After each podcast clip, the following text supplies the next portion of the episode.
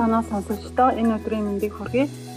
Гэрэлтэй подкастын маань өнөөдрийн энэ удаагийн дугаар ихгэл цуглааны залуучуудад гэр гэрээсээ онлайнаар холбогдоод өнөөдрийнхөө подкастыг эхлэхээр бэлтгэн болсон байна. Тэгээд манай зорилгоор дурдсан амьдрал номоо бид нэр үргэлжлүүлээд явж байгаа. Тэгээд энэ ном маань таван зорилго дотор бидний хөтөлж байгаагийн нэгдүгээр зорилгыг өмнөх дугаар дээр ярьсан буюу тэр нөгөө бид нар бурхны баярхуурын төлөө бүтээгдсэн гэдгийг гэдэг сэдвээр явсан. А өнөөдрийнх болохоор бид нар бусны гэр бүлийн гишүүд гэдэг зорилго дотор нэг 7 сэдв дотор бид нар хамтдаа ярилцах болно. Тэгээд өдөрөө хамтдаа ярилцах дундаа бие биенээсээ асуугаад ярилцаад явах болов. Тэгээд ямар ч та бүгдтэйгээ мент мэдээ тэгээд Өнөөдөр ямар ямар газраас хэн хэн оролцох бэлээ? Хэн байцгаана уу? Насаа байна. Гэрээсээ холбогдчихъя. Аа. За, хэн байцгаана бил бэквэд нэгдүгээр оруулаас холбогдчихъя. Хэн байцгаана уу? Бэлгүүн байна. Аа, хүнсний нэгээс холбогдож байна. Аа. Оо, сайн байна уу? Бэлгүүн байна. Гэр ихтлгүүр ихтлгүүрээс холбогдож байна.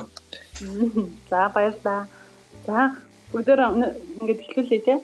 За 7 сэдв байгаа гэж ярьсан. Тэгээд эхний сэдв хоёр сэдвийг нь талаар өнөөдөр би ярилцаа. Тэгээд дөрөвдүгээр ээлж дараалалаараа ярилцах болно. За эхний нэгдүгээр сэдв сэдв нь болохоор бид бурхны гэр бүлийн гишүүд гэх сэдв дотор байгаа. Тэгээд энэ сэдвийг ярихаас өмнө би та бүхтээс нэг асуулт асууя гэж бодсон байгаа. Тэгээд энэ ямар асуулт вэ гэхээр гэр бүлийг бүрдүүлдэг зүйлсийн талаар гол тэр хүчин зүйлсүүдийг юу байдаг вэ гэдгийг асуух.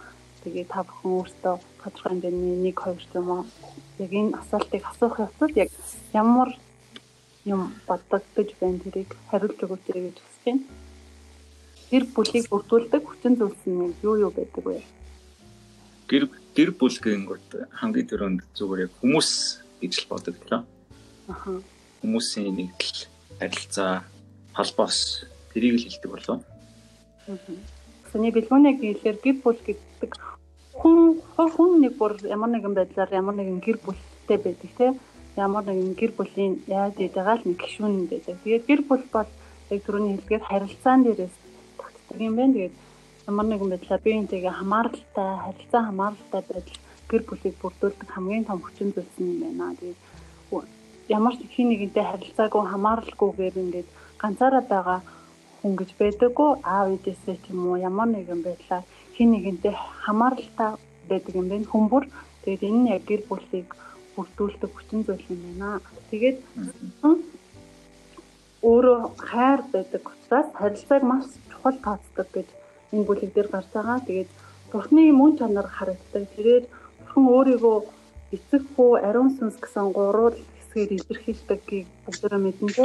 Энэ байдал нь яг тэр гэр бүлийн мөн чанарыг илтгэдэг гэж сурсан. Тэгээд гэр бүлийн ямар нэгэн байдлаар ичгүй ариун сүнс гэдэг бурхны яг итгэж байгаа зүйл аав ээж өөр хүүхэд ах дүү ямар нэгэн хамтын холбоо барилдахаар би бодсон болгон мэдээж байгаа. За тэгэнгүүт гэр бүл маань сүнслэг гэр бүл бас махан биеийн гэр бүл гэж бас хуваагдаж болох юм байна. Тэгээд сүнслэг гэр бүл гэдэг маань бурханд итгэсэн Христээр итгэлээ баталгаажуулж хамтдаа нэгдсэн хүмүүсийн мэдлийг сүнслэг гэр бүл гэж байгаа юм байна. Тэгээд тэрэлтэд итгэх үед яг энэ сүнслэг гэр бүлд ордог байх нь гэж суралцж авсан байгаа. Яг энэ сүнслэг гэр бүлд орсноороо итгэлийн аханд бүгд өөр хамтдаа яг нэг гэр бүл болдог ахантай. Одоо жишээ нь өөр цуглааны хин нэгэн байсан гэсэн эсвэл өнгөрсөн үед байсан тэр итгэлийн хүмүүс ирээдүйд би бодох тэр итгэлийн хүмүүс ингээд тус тусдаа гэр бүл харин Христ дотор нэгсэн бүх хүн нэг гэр бүл болдгийг хэлж сурсан байгаа. Яг яг энэ гэр бүл сүнслэг гэр бүл хүн болгон орох боломжтой гэдгийг бас сурсан. Яаж орох вэ гэвэл мэдээж хэрэг Есүс Христ итгэж итгэлээ тунхагласнаар яг энэ гэр бүлд орох ихтэй боломжтой гэдгийг сурч авсан байгаа. Тэгээд бид нар сүнслэг гэр бүлийнхэнтэйгээ байх тэр ач тустай зүйл нь юу? Амхан биеийн гэр бүл хоёрын хоорондын ялгаа нь юу гэдгийг бас энэ бүлгээр айгүй тодруулж өгсөн байгаа. Тэгээд сүнслэг гэр бүл нь бол бид нэр мөнхийн мөнхөд бурхантай хамтдаа тэгээд бүх энэ сүнслэг гэр бүлийнхаа гишүүдтэй мөнх дээр хэзээ дуусгүйгээр амьдрах тийм ач холбогдолтой байдаг бол махан биеийн гэр бүл маань энэ дэлхий дээр амьдрах хацтаа л ингээ хамт өнгөрөх тэр цаг хугацаа төрхөн зургийн тэг богинохон цаг хугацааг өнгөрөх ийм ялгаатай байдгийг бид нэр суралцаж татсан байгаа. За аж тасын харах юм бол бурхны гэр бүл болсноор аа за одоо энэ дэлхий дээр бид нар ингээд төрсөн өдөр ч юм уу ингээд гэр бүлийнхэндээ хин нэгнийхэн төрсөн өдрөөр бэлэг бэлтээд төрж байгаа төрсөн өдрийг ингээд тэмдэглэдэг штэ тий. Тэгвэл харин сүнслэг гэр бүл дотор итгэлийн гэр бүл дотор бурхан бас бидэнд бэлдсэн тийм бэлэг өв байдаг гэж бас энэ дээрээс сурсан. За тэгээд тэр нь тэр нь ингээд таван янзын зүйлийг бид бурхнаас өглөж авах боломжтой байдаг аахгүй юу? А нэгдүгээр нь бид мөнхөд бурхантай хамт байх болно гэдгийг аав нь бид бүрэн төгс өөрчлөгдсөн Христ чиг болох тэр бэлэг байгаа. Тэгээд өвчин өхөл зовлон шаналлаасаа чөлөөлөгдөх нь бас бэлэг байгаа. Тэгээд үйлчлэлийн судал ингээд үйлчлэлийн талбарыг бас бидэнд бэлэг болгож өгдөг. Бурхны Христийн алдраа суваалцах бас энэ бэлэг ингээд бурхан бидэнд яг Христийн гэр бүл, Бурхны гэр бүл болсон ийм таван зүйлийг ингээд өв болгоод бэлэг болоод бэлтэж гсэн байдаг юм шүү гэдгийг сурч авсан. Тэгээд маш талархсан байгаа. Тэгээд мөн Бурхны гэр бүл болоход бас нэг нь одоо зан үйлийг ч юм уу ингээд бид нэр хийдэг штэ цуглаан дээр тэрний үг гэхээр нөө баптизм хүртснээрээ Бурхны гэр бүлд орж байгаа гэсэн юм зүйлийг нэг илэрхийлсэн зан үйл Христийн сүмүүдээр байгаад байдаг. Тэгээд энэ ямар учиртай юм бэ гэхлээр одоо баптизм хүрттэй байгаараа дамжуулаад би ингээд Бурхны гэр бүл байгаа гэдгийг ер нь илэрхийлж байгаа байдаг юм байна да. Яг хэдийгээр ингээд дотроо сэтгэл юм бол дотроо би Бурханд итгэлээ би Бурхны бүхөд би Бурхны гэр бүлийн гишүүн гэсэн хэрнээ гэж бодож явж болно. Гэхдээ түүнийг ямар нэгэн байдлаар гаднаа илэрхийлэх хэрэгтэй гэдгийг тэр илэрхийлэлээр дамжуулаад итгэвч бас хүмүүс бас энийг харуулж байгаа тэр зүйл байдаг шүү гэдгийг сурч авсан байгаа. Аа тэгээд энийг болохоор хормын бөгчтэй зүүрэл бөгөж ядэн штэ тий тэргээр ингээд жишээ авсан байлээ. Тэр нь ямар байдаг вэ гэхээр одоо гэрэлдээ хосоод ингээд гэр бүл болж байгаа хүмүүс бид хоёр ингээд нэг гэр бүл болсон гэдгээ ингээд хүмүүст илэрхийлж ингээд гаднаа харуулахын тулд ингээд бөөж зүүдэг шиг а баптизм бас яг түүнтэй адилхан зүйл юм шүү. Ингээд миний сэтгэл дотор би бурханд итгэдэг, би бурханы гэр бүлийн гишүүн гэдгийг бусдад харуулж байгаа тэр илэрхийлэл гэдгийг зааж өгсөн байлээ. Аа мөн яг энэ бурхны гэр бүл болон болж байгаа нь маш юм онцгой ирэх юм. Хүн болгонд ингээд ингээд дээр амьдрах янз янз ингээд тавшаанд олзуулахтай ирэх мэдлүүд өгөгддөг штэ тий.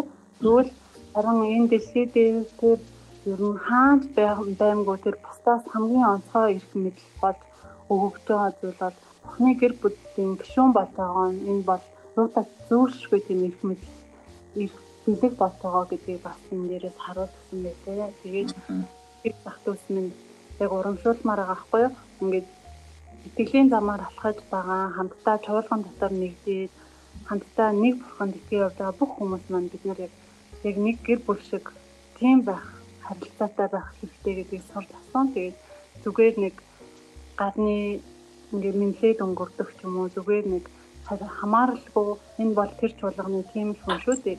Тийм нэг тусгаарлалтын донд биш харин бид нэгдмэл байх гэдэг гэдгийг энэ ихээс маш сайн ойлгож авсан байгаа өөр цуглааныхан ч байсан гэсэн хамаагүй өөр улс орны хүн байсан гэсэн хамаагүй ер нь Христэд итгэдэг хүн бүр яг нэг гэр бүл шиг шүү.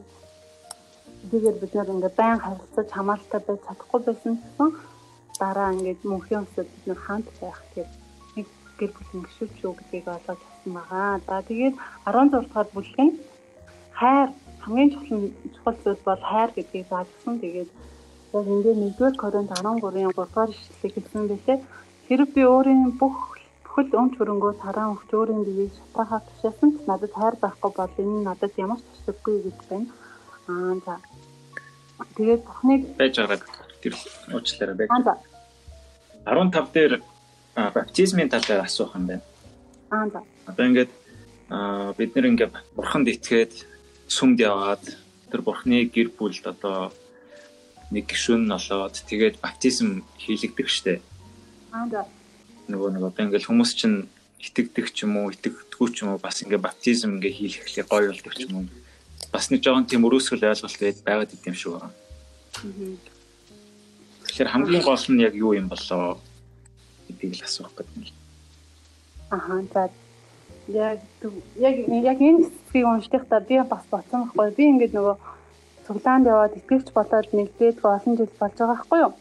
Тэгээд ингээд баптизм яг хийлгэн гэхээр ингээд өөрийнхөө ингээд төлөвсөн байдал ч юм уу болоогүй амар чухал тооцоод баптизм хийж ингээд маш их олон жил ингээд хойшлуудаа яваадаг гэсэн юу. Тэгээд заавал хийлгэх шаардлагатай ч юм уу эсвэл шаардлагатай байсан гэсэн би ингээд өөрийгөө хүчлээд ингээд амар өнгөцөн нөгөө сэтгэлийн хөдлөөр хийх гэж байгаа мó гэдэг. Амар бол ингээд янз янз шалтгаан хийдэг би ингээд баптизм хийхгүй яваад байдаг байхгүй аа тэгээд дараа нь ингээд баг багаар ингээд библи судлаад ч юм уу бурхантай ойлголоод энэ зүйлийн талаар олж мэдээж энэ нөгөө нэг тушаал дээр шүү дээ Матай 28-ын 19 дээр Есүс баптизмыг заавал хийх хийх учиртай заавал байх ёстой зүйл гэж Есүс өөрөө хэлсэн. Тэгээд тэр болохоор эцэг хүн ариун сүнсний нэрээр тэдэнд баптизм хүртээ гэж бурхны заасан тушаал байгаа байхгүй юу. Тэгээд ямар нэгэн байдлаар бид нар итгэгч гэдгээ ингээд одоо мэдээж яг миний дотор ингээд би итгэгч гэдэг итгэл байгаа гэсэн тэр зүйлийг би өөрөө мэдж байгаа. Аа гэтэл тэрийгээ бас ингээд би яг бурхны гэр бүлийн гишүүн мөн шүү гэдэг ингээд илэрхийлэх илэрхийлэмж болтойгоо. Тэгээд яг бусдад харуулж байгаа тэр зүйл байдаг учраас энэ нь ингээд байх шаардлагатай заавал хийх ёстой зүйл гэж бодож байгаа. Мм гэхдээ бас нэг юм нь бизнес хийлгэснээрээ бид нэг хийх гоё юм гэж нэг ишний үйл ажиллагаа шиг тийм юм биш үү гэдгийг бас айгу тодорхойлсон юм шиг санагдсан. Зүгээр л нэг одоо илэрхийлэмж гэх юм уу? А Есүс нөгөө нэг бас нөгөө төрөний таны унсан юун дээр ишлэл дээр биш яг баптизмыг юутай зүрсэн гэд одоо нөгөө нэг номлол одоо тий. Тэгэл сайн мэдээ гэл. Яг энэ гурыг баптизм яг баптизм яг тэр дунд хэлсэн бас амар чухалд тооцдог тооцогдох зүйл гэдгийг айгүй консолж бас бичсэн байсан тий номон дээр. Баптизм бол ер нь бол заавал ч хийлгэх ёстой зүйлээ тэгээд итгэсэн даруйдаа чийлгэж болдог зүйл гэж бас бичсэн байсан тийм. Тэр одоо нэг итгэлээ баталгаажуулж байгаа нэг хэлбэр юм уу? Баталгаажуулах нь тэгэхээр яг бурхан баталгаажуулж байгаа биш. Харин ингээ хүмүүс би итгэл ингээ би Есүс итгэдэг гэдгийг ингээ баталгаажуулж харуулж байгаа тийм юм. Байна. Заримдаа хүмүүс айгаа нөгөө нэг итгэхээ хөнгөн хүлээж авах гэдэг тал байдаг баг. Яг тэгвэл би бас өөрөө тэгжсэн л та анх нөгөө итгэвч болоод баптизм энтергээл айгүй нэг гоё санагдал те. Яг нөгөө яагаад хийх ёстой гэдэг дээр анхаарах биш. Яг тэрийг хийлгэхүүл амар гоё болох юм шиг санагдал. Тэгээд ингээд нэг тийм нөгөө яг нөгөө цаад гол утга учраа сайн ойлгоогүй ээжиж одоо бурханд яг бүрэн дүүрэн ингээд амьдралаа зориулж одоо ингээд хүлээн зөвшөөрж байгаа л гэсэн үг шүү дээ. Ер нь бол тэгээгүй хэрнээ ингээд баптизм хийлгцэн ч юм шиг надад сүүл ингэ санагтаад идэх байхгүй. Тэгээд би бас яг тэгсэн. Ер нь л сайн мэдхгүй. Тэгээд 11 настай биш. Тэгэл бас тэгэл хийлгцээ тэгэл. Тэгтээ тэрийг тооцсон тооцсон гэж боддоо шүү дээ. Бол баптизм хийлгсэн. Тэгээ маш хүмүүс тийм нэг дэлхийн хөрлөг юм уу эсвэл хүмүүсийн уриалгаас юм уу юу ч мэдгүйгээр хийлгэсэн байдаг шүү дээ. Тэглээгээд энэ бас юм алдаатай зүйл бод биш байхгүй юу?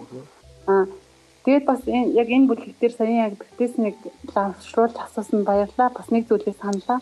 Тэр нь юу вэ гэхээр аа одоо нөгөө баптизм зарим хүмүүс одоо би Есүс итгэдэг би ингээд цуглаанд явдаг гэсэн мөртлөө яг тэр хүрээндээ л ингэж тунхагладаг хэрнээ өөрийнхөө ингээд итгэдэг ч юм уу Христэд цуглаанд явдаг гэдэг ингээд өөр газар ингээд харуулахыг хүсдэггүй ч юм уу тий. Ингээд жоохон нуугдсан тэрнээс жоохон итгэх ч юм уу тийм байдлыг байдалтай бас итгэгчээд ч юм уу хүмүүс байдаг юм байна л та. Харин яг тэгвэл тэр зүйлээ ч гэсэн ингээд ялан дийлээд бусдын өмнө ингээд харуулах боломж бас гэж харж болох байхгүй юу баптизм. би ингээд Есүс Христэд итгэдэг гэдгээсээ ичихгүй. Энэ бол ингээд миний бахархалтай ингээд бусдад ингээд гоё тодорхойгоор харуулах зүйлийг би харуулах бас нэгэн боломж гэж харж болно бэлтээснийг. Аха. Тэгэхээр нуугдсан итгэлийг ил гаргах гэж хэлж болох юм аа. За. За үргэлжлүүлээ заяа. За тэгээд дараагийн сэдв нь болохоор хамгийн чухал зүйл бол хайр гэдэг зүйлийг хэлсэн. Тэгээд түрүүний ишлэл уншиж өгсөн байгаа. Тэгээд тэгээд ямарваа нэгэн зүйл сайн сайхан үйл хэрэг бусдад туслах нэ тэрэ ямар нэгэн тийм хүмүүнлэгийн ямар нэгэн ажил хийгээд энэ бүгд нь ямар ч хайргүй зүгээр хийж байгаа бол энэ ямар хоосон юм а гэдэг юм тиймэрхүү утгатай ишлэлсэн тийм. Тэгээ бурхан биднийг бүх хүмүүсийг хайрлах бай гэж хүсдэг гэж хэлсэн байгаа байхгүй юу? Тэр дундаа ялангуяа итгэгч хүмүүс итгэлийнхэн аханд ус онцгойлон хайраар хандаасай гэдгийг амар тодор сурч авсан байгаа. Ягаад гэхээр миний хувьд тэгж боддог байсан байхгүй юу? Одоо нэгэн тал бурхны хүлээгээд авсан ингээд Есүс Христэд итгээд ингээд бурхан дотор явж байгаа хүмүүс ингээд би энийг ингээл ялуураа халамжлаад би энтэйг ингээл зуралтад байхаас илүү ингээл итгэхгүй байгаа хүмүүс рүүгээ ингээд хайрын хайрнуудаа цацаад тийшээ хөдлөөсөө гэж амар боддог гэсэн байхгүй юу? Тэгээд аль болох итгэгч хүмүүстэй нийлхээсээ илүү итгэгч бос хүмүүстэй ингээд бос хүмүүсийг илүү их ингээ хайрлаад улам илүү ингээ нийлээ тэр нийлж байгаа найзлалтайгаа нөхөрлөө ороод амжуулсан би ингээ бурхны хайрыг ингээ түгээн дэлгэрүүлнэ гэж би ойлгодог байсан байхгүй юу. Тэгээд хэмжээс зэрэгээрээ яг энэ бүхээс харин ч илүүгээр яг итгэлийн аханд үсийг улам илүү хайр гэдгийг сурч авсан байгаа. Аа тэгээд яагаад яагаад онцгойлон итгэлийн аханд үсээ хайрлах юм бэ? Энэ итгэлийн аханд үс бие биенийгээ хайрлаж байгаа энэ энэ зүйл нь итгэдэггүй хүмүүст ингээд үлгэр болох яг ингээд хон дотор амьдарч байгаа тэр итгэлийн хүмүүс бие биенийгээ яаж хайрлаж байгаа тэр хайр нь итгэдэггүй хүмүүст ингээд үлгэр загвар болж өгнө гэдгийг харуулсан билээ. Тэгээд Йохан 13-ын 35 дугаар эшлэлээр яг энэ зүйлийг аягүй тодорхой хэлсэн байлээ шүү дээ. Тэгээд яг юу гэж хэлсэн бэ гэхээр хэрэг та нар бие биенээ хайрлах юм бол үүгээр чинь бүх хүн та нарыг миний шарнаар мөн гэдгийг мэдэх болно гэж хэлсэн байлээ. Тэгэхээр итгэлийн ахаанд бас бид нар бие бинийгээ итгэвч бус хүмүүсээс илүүгээр хайрлах хэрэгтэй байх нэ. За.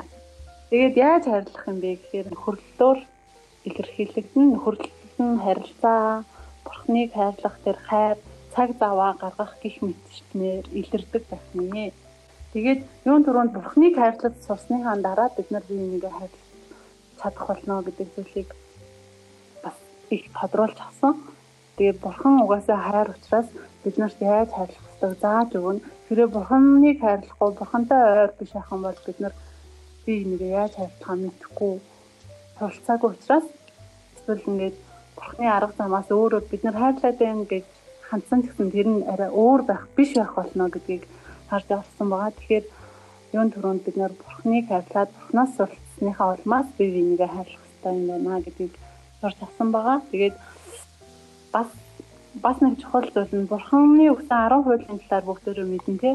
Тэгвэл энэ хууль дээр дөрөв 10 хуулийн маань дөрөв нь бурхантай харилцах харилцааны талаар байдаг бол үлдсэн 6 нь хүмүүс хоорондын харилцаатай холбогдсон тэр хуулиуд байдаг байхan. Тэгэхээр яг ингээд ихэнх хувь нь хүмүүсийн хоорондын харилцааг зааж байгаа учраас бурхан яг хүмүүсийн бие биендээ хандах тэр харилцаа хайр хайрлуу илүү ингээд төлөвлөж чиглэлдэг болохыг би харж болох юм байна байхгүй юу? Яа. Эндээс тэгээ бас нэг юм жишээ байсан. Тэр нь ямар вэ гэхээр за альва нэгэн хүн ингээд насан эцлэх болвоо. Тэр мөчөд ингээд за энэ амьдрал надад яг ингээд насаа эцлээ эцсийн ингээд үгээ ч юм уу эцсийн зүйлсээ хүсэлтэд мэдүүлэх үед ингээд миний ямар нэгэн тийм эд хөрөнгийг миний дуртай зүйлийг аваад тэр тэрийгээ би хармаар байна гэж хэлдэг хүн бараг байдаггүй гэж байгаа байхгүй юу?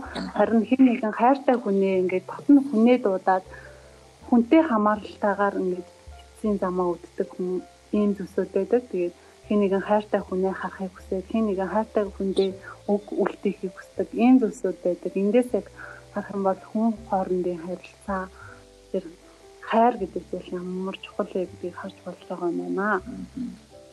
Тэгээд бас нөхөрлөл харилцаа хамаарсан хайрыг яаж илэрхийлэх вэ гэвэл би биндээ цаг зав гаргаснараа хамгийн сайн илэрхийлэл болгож өгдөг өө гэж байгаа байхгүй юу. Тэгээд ямар нэгэн зүйлийн чухал хэсэг нь тухайн хүнд хэр их цаг зарцуулж байгаагаар илэрхийлэгддэг юм байгаа гэж сурсан.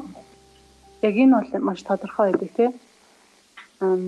Би ажил маш их дагуу дагуу гээд харилцаан дээр ингээ заримдаа маш олон хүмүүс ингээ цагийг бүр ингээ хаацсан байдаг те ажил зөвхөн ажил эсвэл ингээ төлөвлөгөөнийхаа дагуу би ингээ харилцах хэрэгтэй хүмүүстэй зөвхөн төлөвлөгөөнийхаа дагуу гэсэн юм байдал нь хүмүүс би бинийгээ хайрлах тэр харилцаанаас салгадаг гэдгийг сурч авсан байгаа.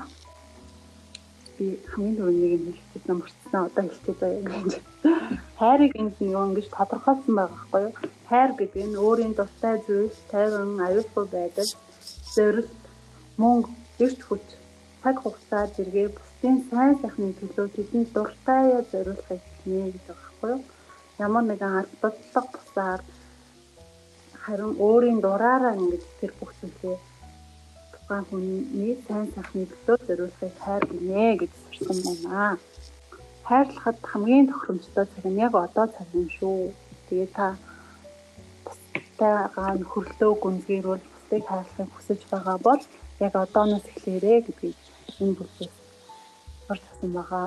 Яг ямар нэгэн төлөвлөгөөний дараа биш. За би энэ энэ энэ зүйлийг хийчихээ тэрнтэй дараа нь тэгж гоё хайрцаг тэрийг тэгж хайрлаа гэсэн төлөвлөгөө хойшлуулсан төлөвлөгөө биш харин яг одоо цагаас эхлээд бусдыг хайрлах дотор нөхөрлөө тэгээд хамтдаа бүхний гэр бүл дотор нэг нэгийг хайрсан хайр дотор өсөж томроосоо гэдгийг яг энэ бүлгээс сурч авсан байна.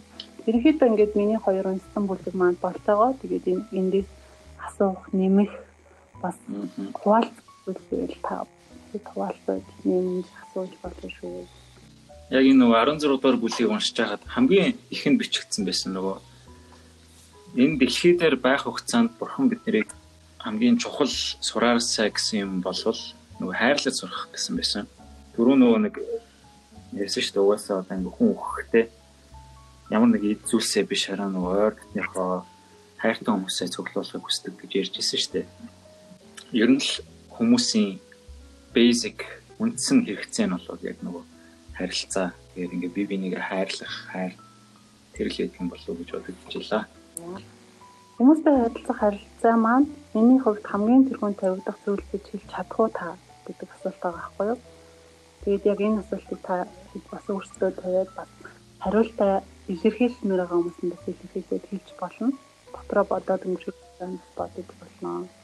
Та яг хүмүүстэй харилцах харилцааг миний хувьд тэргуун тавьдаг зүйл гэж бодож чадаж байгаа юу гэдэг асуулт.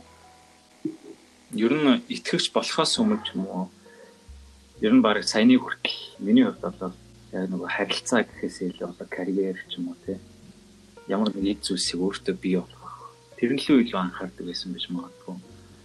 Харин ер нь сүүлийн үед ер нь илүү одоо нөгөө нэг харилцаа бий бий болгох одоо хүмүүстэй гоё. Одоо энэ подкастнаас ахуулаад сүмийнхэнтэйгээ хийж байгаа бүх тэр үйлчлэл бүх юмас ахуулаад ер нь ингээд гоё.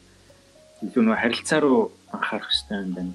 Тийг одоо тэр хийх үедээ тэр хийх процессын дундаас ингээд ойлгоод байхгүй.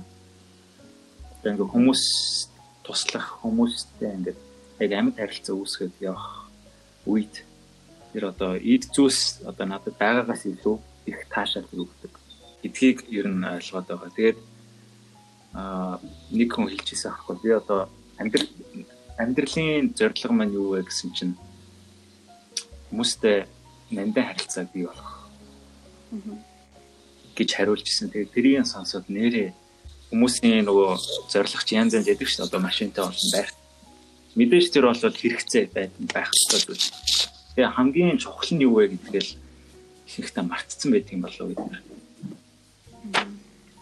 хүмүүстэй одоо харилцаагаа илэрхийлэх хамгийн тэр илэрхийлэх боломжтой зүйл нь миний хувьд болохоор ингээд ямар нэгэн байдлаар ингээд туслан юм уу ингээд гоё ингээд хэрэгцээтэй зүйлээр нь хангаж мангаал ингээд хамтдаа ямар нэгэн байдлаар би энийхээ хэрэгцээтэй зүйлээр хангаж байгаа байсан юм ингээд хамгийн гоё юугаа харилцаагаа илэрхийлж байгаа зүйл гэж боддог байсан байхгүй юу?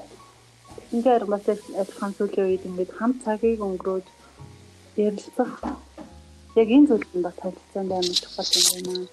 Ямар нэг материалтай зүйл тусалж мэдээж туслах хэрэгтэй. Гэхдээ яг энэ үүнээс илүүгээр цаг даваа гаргаад ярилцах нь ямар чухал юм бэ гэдгийг. Тэгээд яг энэ сэдвээр тэгсэн уншаад дахиад ингээд санджаагаа баяртай байна. За дараагийнхаа сэдв рүү бүгдээр орцгоё. Тэгээд энэ сэдв нь болохоор бидний байх ёстой газар гэсэн сэдв байгаа. Тэгээд Эфес 2:19 дээр тийм бол та нар цаашид гадныхан болон ирмэл хүн бос харин ариун хүмүүсийн адил нутгийн иргэд бөгөөд бурхны гэр бүлийн хэмээн гэсэн байсан. Тэгээд аа энэ бүлгийн хамгийн ихэнд бичсэн байсан өгүүлбэр бол та нар зөвхөн итгэх биш харин бас нэг газар одоо ингээд байх ёстой бичсэн байсан. Тэгээд одоо ер нь бид нэр төрснөөс хойш одоо бидний махан гэр бүл маань байгаа шүү дээ. Ээж аав, ахын дүүс. Тинчээ чин бидний бас нэг байх ёстой газар байгаа даа шүү дээ. Тэгээд явц дундаа ингээд шинэ гэр бүл одоо ингээд тэгснээрээ нэг шинэ гэр бүл үл нэмж байгаа гэх юм уу. Бидний байх ёстой газар бол яатчгүй сүм чуулган байдаг аа. Тэгээд сүм чуулган гингүүт та нарт юу гэж бодогдож байна юм? Чуулган гэхээр хүмүүс байсан тав биш. Хүмүүс гэдэг би сүм чуулган гэхээр дөрөв давхар дөрөв дахь чуулганхаа байшин гэж бодоогүй. Аа яг үнэ тийм. Аа сүм чуулган гэнгүүт одоо за чуулган гэнгүүт ер нь бол байшин биш. Харин одоо энэ ном дээр юу гэсэн байсан бэ гэхээр би гэсэн байсан. Аа ямар нэгэн байгууллага биш.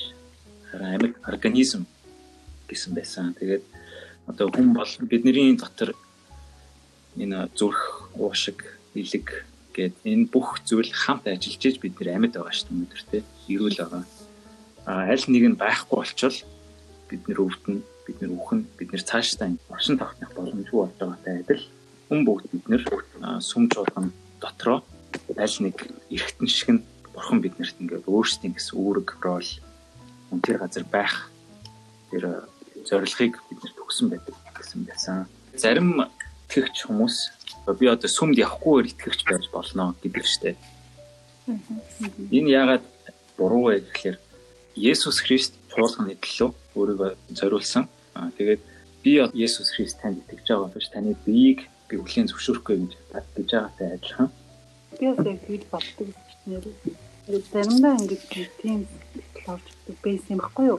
Ингэж одоо тэгтээ болцсон ч та ингэж одоо хин нэг нь планы хүмүүндээ ингэж гомдох юм уу эсвэл ингэж сэтгэл дотроо өөр мөрөөр ингэж заримдаа ингэж буруутгаж ирлээ. За би ерөөсөө ингэж яхаар цуглаанд явахгүй зүгээр дотроо ингэж тэгэл байж ивэл баг болчихно дөө. Нэг тэгээ цуглаанд явахгүй зүгээр нэр ганцаараа нэр дэвссэн итгэж байх гэж айгу боддог байсан байхгүй юу. Тэгээд яг энэ наад энэ бүлгийг уншчих та яг өөрийнхөө тэр боддог байсан өмнөх гаргадаг гэсэн зүйлээ хараад тэгээд дахиад ингэж Гэтэ тэрийг ингээд мэдээлсэн л та ганцаараа ингээд итгэж болоод цуглаангүйгээр байж болохгүй гэдгийг өмнө ингээд сонсоод ойлгосон байсан гэсэн дахиад яг энэ сэдвээс ингээд хараад тийм шүү дээ гэдээ санаж авсан. Тэгвэл ер нь яагаад заавал чуулганы чуулганд ер нь мэдээлэл байх хэрэгтэй юм гэдэг жишээнүүд байсан юм байна. Аа хамгийн түрүүнд цөм чуулганд явснаа таны итгэлийг чинь баттдаг. Одоо жинхэнэ итгэгч мөн үгүй чинь хэлдэг Тэгэхээр одоо ингээд яг тэр итгэгч хүмүүс дунд ороод бидний итгэл яг тэр байх ёстой хэмжээнд байна уугүй юу гэдэг тэр том талбар нь болт юм байна л да. Химжих том талбар нь болдог гэсэн үг. За тэгээ дараагийнх нь болохоор чуулганы гэр бүл нь хүнийг одоо хэд өөртөө төвлөрөхөөс сэргийлдэг. Бурхны гэр бүл дотор хэрхэн одоо бие биентэйгээ харилцах, хэрэг бие биенийгээ хайрлах зэрэг сургууль нь болж идэг юм байна. Түрүү нөгөө 16 дээр иржсэн шүү дээ энэ дэлхий дээр бид нэрийг хайр суралцаасаа гэж юм бол хамгийн нэгдүгээр одоо зорилго аа энэ дэлхий дээр бид нарыг байлгаж байгаа гэж бичсэн байсан. Яг тэрнтэй адилхан яг энэ чуулган дотор бид бибийг хайрлаж сурах тэр анги болдго юм байна. Дараагийнх нь болохоор чуулганы гэр бүл нь сүнслэг булчин хөгжүүлдэг. Сүнслэг булчин гэхлээр та нар юу гэж ойлгож байна? Харагдахгүй гэсэн. Сүнсэнд нь хүч өгөх. Сүнсийг мөн хүчрхжүүл хүч нэмэх зүйл. Дасгалжуулалт, сүнслэг дасгалжуулалт тий. Одоо нэг хүний биед чинь одоо ингээл тасал хөдөлгөөн хийгээл ингээд харагдах байдлаар янз бүрийн болчонгууд үүсчихээрээ ингээл арай илүү ингээд биар чадaltaй ч юм уу болцсон ч тэгэхээр санагдчих шүү дээ. Аа. Энэ шиг сүнслэг бүлтэр нөгөө л миний сүнсний байдал нь илүү биар чадaltaй хүчтэй болно гэж би ойлгодог байхгүй юу? Аа. Сүмд зүгээр яваал те намлал сонсоо тэгээл ингээ явцдаг одоо ямар итгэгч гэдэг вүлээ бүтэн сайн зөвхөн ирчээл тэгэл явдаг. Бүтэн сайнны итгэгч гэж ярьдаг шүү дээ. Тийм байдлаар ерөөсөө одоо сүнслэг тэр болчин ерөөсөө хөгжихгүй наах юм. Тэгэхээр яаж хөгжүүлэх вэ гэхэлэр ерөөсөө л бүх юмд нь оролцоод явах. Библиэлд 50-аас илүү удаа би биенийгээ гэсэн тийм үг хэрэгэлдэм байна л да. Одоо би биенийгээ хайрлах, би биенийхээ төлөө залбирах, би биенийгээ урамшуулах, би биентэйгээ мэдлэх, би биендээ үйлчлэх гэх мэт Тэгээд ер нь бол оролцох гингүү заавал ингээл урд тайзан дээр гаргал хөгжим тоглох ч юм уу тийм үйлчлүүлүүд байгаа шүү дээ. Мэдээж тэд нар байгаа. Гэхдээ тэрнээс гадна хэрхэн оролцох вэ гэхээр бид нар одоо вебинар хөтөлбөр залбирч болж байна. Би бинтгээ гоё ингээд яриа өрнүүлээд ер нь энэ бүхэн чинь бурхан дотор бидний сүнсээ ингээд хөгжүүлэх бас нэг том талбар байдаг юм байна. Тэгээд ганцаараа байх нь худлахоор би болгож идэв ижилхэн одоо итгэвч хүн хажууд нь байхгүй. Би ингээ ганцаараа ингээл тэгч байгаа. Цөмж болгоо нэг явахгүй ингээ явцнараа өөрийгөө болоод ингээд бодоод яваад идэг гинэ. Аа гэтэл сүнслэг хүмүүстэй хамт байгаа тэр хүмүүст нөхөрлөөд ингээ явах тусам бидний итгэл бидний тэр сүнслэг одоо булчин илүү хөгжиж одоо илүү ачааллтай ах чадвартай тэр temptation тэр юмыг илүү дэвсэх чадвартай болдог. Аа тэгээд дараа нь болохоор Кристийн бие гэж ирсэн шүү дээ сая. Чуулганыг. Тийм. Хүн нэг бүр заавалчгүй ямар нэг одоо рол ямар нэг үүрэг байдаг. Тэрийг нь дагалдуулаад бурхан биднэрт одоо өөрсдийн гэсэн онцлог онцгой чадваруудыг өгсөн байдаг шүү дээ. Тэгэхээр за за би ч илүү үдтэй гэж бодох бол бодохгүй болчих жоох байхгүй.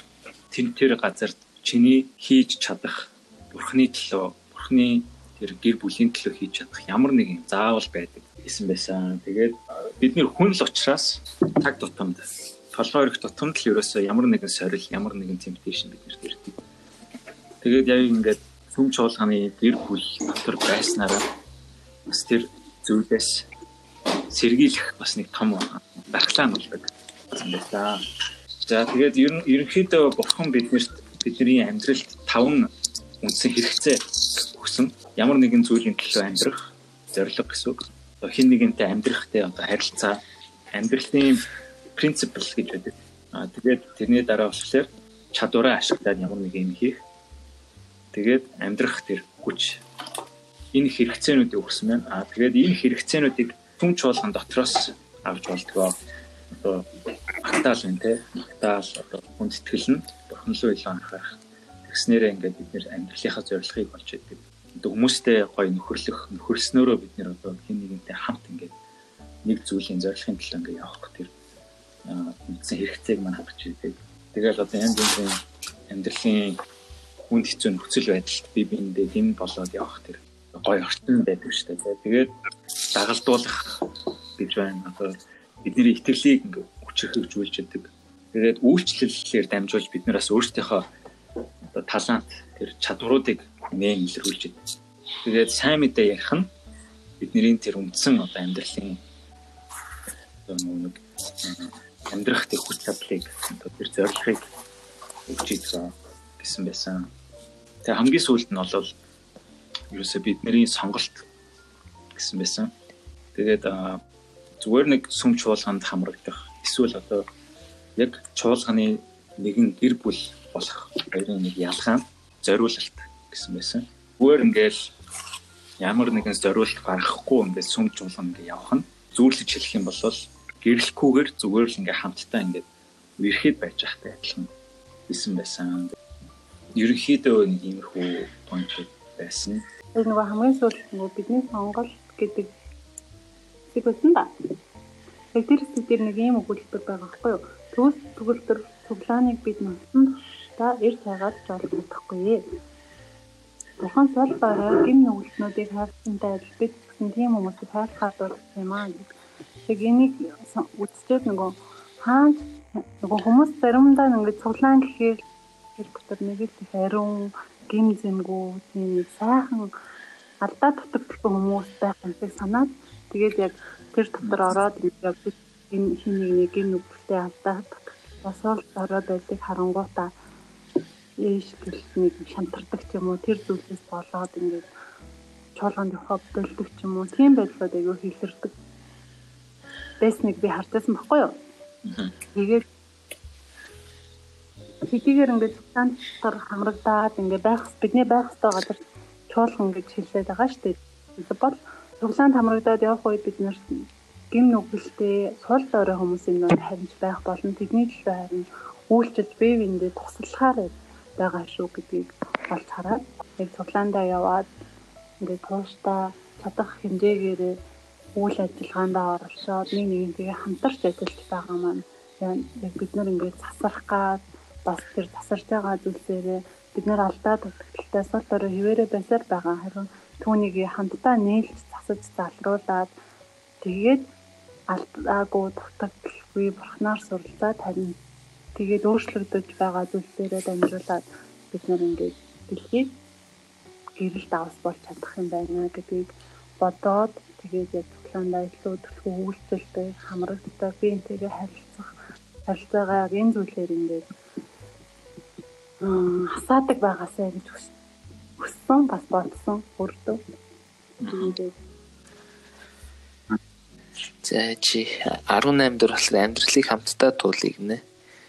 Тэгээд тэр нь тэгээд амьдралыг хамтдаа туулах дотроо амьдрал болохоор хамтын эзэмшил байхаар оршин тогтнодог. Жинхэнэ нөхөрлөөс хүмүүс үннийг хүсдэг. Жинхэнэ нөхөрлөөр дамжуулан хүмүүс бие биенээ түшдэг Тэгээд жинхэнэ нөхөрлөлөөр дамжуулан бусдыг ойлгож чаддаг чадна. Жинхэнэ нөхөрлөлөөр дамжуулан хүмүүс инэрл нэгүслийг мэдэрдэгэ гинэ. Тэгээд тэгээд энэ энэ энэ ер нь энэ бүл э, сэдвээс хамгийн чухал зүйл нь болохоор бодож тунгаах зүйл маань болохоор бусад хүмүүс миний амьдралд ирэхтэй гэх түрүүний бэлгүүнийг ярьсан нөгөө нэг бид нар итгэлийн амьдрал дээрээс ганцаараа барьж байгуулж чадахгүй гэдгсэн шүү дээ. Тэгээд ерөөсөө энэ дэлхийр żyдах бидний амьдрал бол ерөөсөө хамтдаа хамтдаа одоо би гэсэн тийм үзэл биш харин бид гэсэн үзэл шүү гэдгийг энэ бүлгээр бас хэлсэн ба хэлсэн.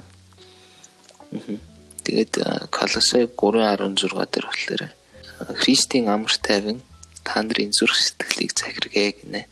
Үүний тул та нар нэг бие дотор дуудагч юм а талархах тун харагтун ах トゥ усын хувьд хамтдаа нэгдмэлээр амьдрах нь хичнээн сайхан хичнээн тааламжтай вэ гэж дуулал 133-ийн 1 дээр хэлсэн байна. Тэгээд 10 19 дугаар бүлэг маань болохоор сэдв маань болохоор хамт олон бүрдүүлэх гэдэг тийм сэдв байсан. Тэгээд хамт олон бүрдүүлэх гэдгийг тайж ирнэ гэж ойлгож байна.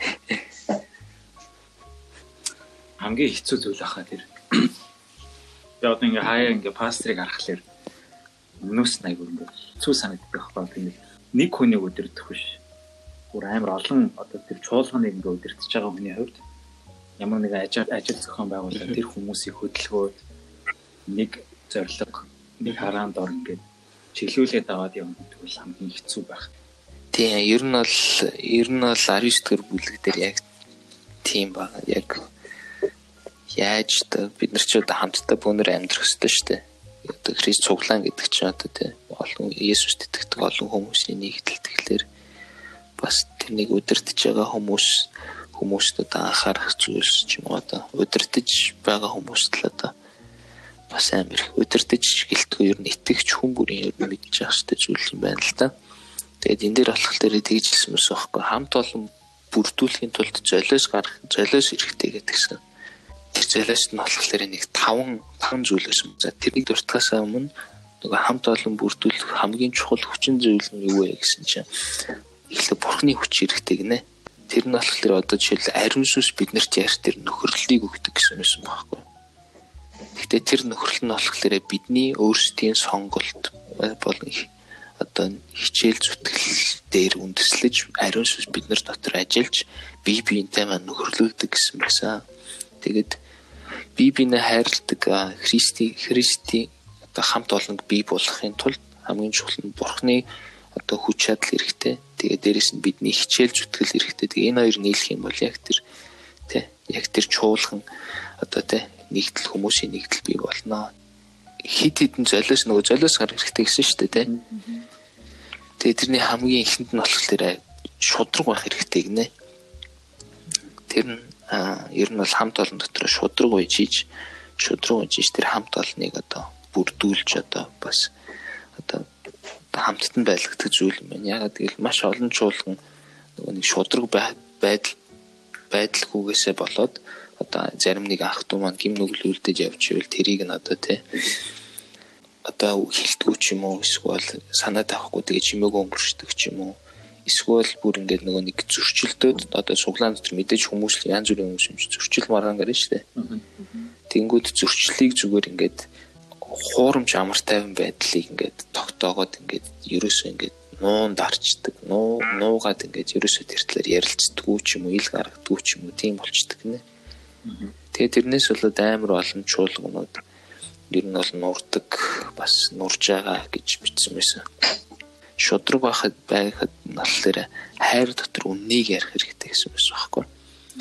Тэгээд үннийг ярихгүй бол бид нар нөгөө хүмүүсээ бас ингээд одоо тэр алдаа зөрчил ч юм уу эсвэл ингээл чуулган дотор үүсэн уур амьсгалаа бид нэр ингээд ер нь бол үл одоо үл ашаач чинь шүү гэж үл үл ашаач байгаа байхгүй. Тэгээд энэ амар том гай дагуулна. Тэгээд тэгтээ бас нөгөө үннийг ярьснараа өөрийгөө амар том эрсдэлд оруулж идэг юм л те.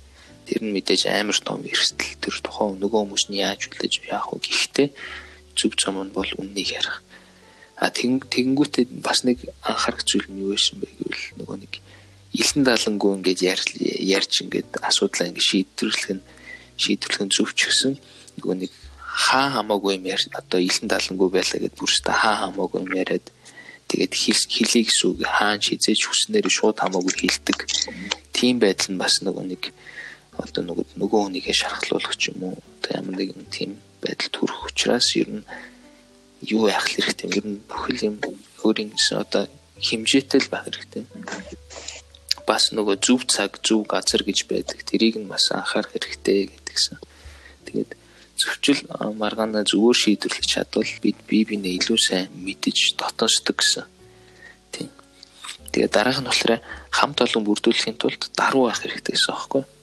Тэр нь болохоор угаасаа нөгөө бурхан бол бардамлыг бардам үнийг эсэргүүцчээр дарууд нэгүслэг өгдөг гэдэг шүү дээ.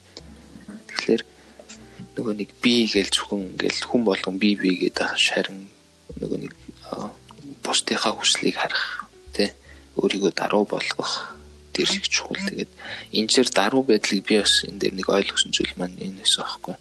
Даруй байна гэхлээр л ингээл ном өдөлгөө ингээл чимээгүй ч юм уу ингээл тийм байх биш. Харин өөрийгөө дорд оруулах биш харин өөрийгөө дутуу болгохыг бодохыг хэлдэг юм а гэсэн байхгүй.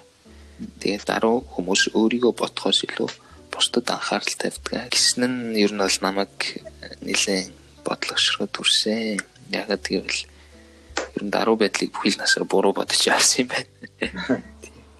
Тэгэхээр ер нь бол даруй байдал гэдэг бол яг бусдыг бодох, төрүүлж өөрөөсөө төрүүлж бусдыг бодох явдал юм байна жинхэнэ даруй байдал. Тэгээд бид нар янз бүрийн аргаар даруй байдал суралцж идэг гинэ. Өөрийн дутагдлыг хүлээн зөвшөөрөх ч юм уу, бусдыг хүлцэн твчиж, хүний зэмлэлийг хүлээн авах. Тэгээд бусдыг босгохыг даруй байдал гэдгээ гэсэн байна. Тэгээ Паулич бид нарт бол тэр өөр хоорондоо нэг санаатай байцгаая. Ухаан бодолтойч бүү ихрэг харин төлөв даруй байхыг ирхэмлээ өөрөө өөрийгөө мэрэгэн бүү болгоо гэж Роми 12-16 дээр хэлсэн байна. байсан. Тий. Тэгэхээр хамт олон бүрдүүлэхэд нэг чухал зүйл байна. Хүн болгоомны даруй байдал их чухал байна. Тэгээ гурав дахь зүйл болох тэр хүндлэг сэтгэлтэй бай гэсэн. Тэгээд хамт олон ер нь бүрдүүлэхийн тулд хүндлэг сэтгэлтэй байх нь бас айгүй чухал. Би бинийгээ хүндлэх, тэг хүндлэл байгаа газар ив нэгдэл нөхөрлөл орчиедаг. Тэгээд хүндлэг сэтгэлтэй байна гэдэг нь бас нэг нэгнийхээ ялгааг ойлгож санаа тавин өөрийн өөрийг тань бухимдуулдаг хүний хүлцэн төвчгийг хэлнэ гэдэг ч юм байхгүй. Тэгээд тэр нь болохоор уусаа чуулган чуулганд одоо бид нэр мэдээж л ингээл өөр өөр гэр бүлд өөр өөр орчин төсөж тайрсан. Тийм болохоор яг ингээд яг нэг ингээд одоо бүр амар ингээл учиргүй ингээл нийлэл яг ингээл ямар ч асуудалгүй байна гэж байхгүй шүү дээ мэдээж хүмүүс юм чинь. Тэгэл тэр олон өөр төрлийн хүмүүс ингээ яг нэг болгож байгаа болгож байгаа зүйл маань болохоор Есүс болохоор хин нэг нь биднэр таалагдахгүй байх байх нь байх боломжтой одоо жишээл нэг хүн надад таалагддаг ч юм нөгөө хүнд би таалагддаг ч юм уу тэгээ миний хийж байгаа нэг хүнд таалагддаг ч юм мэдээж тийм гарна харин тэрийг бид нэр хэрхэн хүлээж авч байгаа вэ гэдэг нь айгүй чухал гинэ. Одоо тэрэнд яаж хариу үйлдвэрлэх ёстой. Жишээлбэл одоо тэр за нэг бүр болохгүй бүр ингээл хүмүүсийн дургу хүрээд идэх юм байдаг дээ. Тийм хүн ч хүртэл цуглаанд байх боломжтой. Харин тэр хүмүүс нэг нэг илүү их нэгүслийг авах нэгүсэл бурхны нэгүсэл хэрэгтэй байдаг нэ тэр хүмүүс. Харин тэр тэр хүмүүс нь бас нөгөө нэг биднийг одоо итгэлээр сүнсээр нөхөрлөөр өсөхийн тулд бас цуглаанд байдаг юм л дээ. Тэгээд бид нарыг бас одоо ингэж ер нь бол бурхан тэр үнээр дамжуул шалгаж сорж өөрчилж байгаа гэсэн үг багхгүй. Тэгээд тэр хүмүүст бид нар болохоор одоо төвчж тэ бурханы нэг үс дотор одоо төвчж тий ялгааг нь ойлгож ойлгоснороо бид нар яг өснөө гэсэн байсан. Тэгээд тийм тэгээд хэр би бинтэйгээ бас яг тэр ойлгоцод бусдыг хүндлэхэд нэг туслах зүйл болохоор тэр хүмүүсийн цаашдын амьдралын талаар бодох юм бодох биш тэднийг өнөөдөр өнөг хүртэл хэр урт удаан хугацааг сэтгэлдээ шарахтай туулж ирснийг бодож үзэх хэрэгтэй гэдэгс. Тэгэх юм бол энэ нь биднэрт бас нөгөө хүнтэй хандах бидний хандлагыг өөрчилж өгнө. байсан. Тэнгүүд гуравт нь болохоор а биш дөрөвт зүйл нь те. Дөрөвт нь болохоор нууцыг сайн хадгалдаг хэрэгтэй гэсэн байсан. Тэгээд энэ бас айгүй чухал хамт олон бүрдүүлэх, хамт олонны одоо одоо тий нөхөрлөлийг бий болгоход нууцыг хадгална гэдэг нь бусад ахын дүүсийнхээ гим үлдэхийг харсан харсан атлаа хараагүй царайлан дуугүй шухыг хэлэхгүй гинэ. Аа бүлгийн дотор хоорондоо хуваалцсан ярьсан асуудлыг шийдвэрлэхийн тулд хамтдаа мэрийн бүлгийн гишүүдэл зөвхөн мэдэж байх ёстой зүйлийг бусдад дэлгэн ярихгүй байхыг нууцыг хадгалах гэдэг гинэ. Яг хөө нууц гэдэг чинь шүртгүү нөгөө нэг итгээд нөгөө хүнд ингээд өөр хүнд ингээд юм ярихлаар ярьж байгаа шүү дээ. Итгэсэн учраас л юм ярьж байгаа. Тэгэнгүүт харин харин тэр нь ямар нэгэн байдлаар өөр хүн ч юм ингээл яривал тэр бол нууц биш бол чин. Тэгэхээр ингээд эргээд нөгөө нэг итгэнд бай одоо тэ тэр тухайн бүлгийн одоо итгэл итгэлцэл нурж байгаа байхгүй.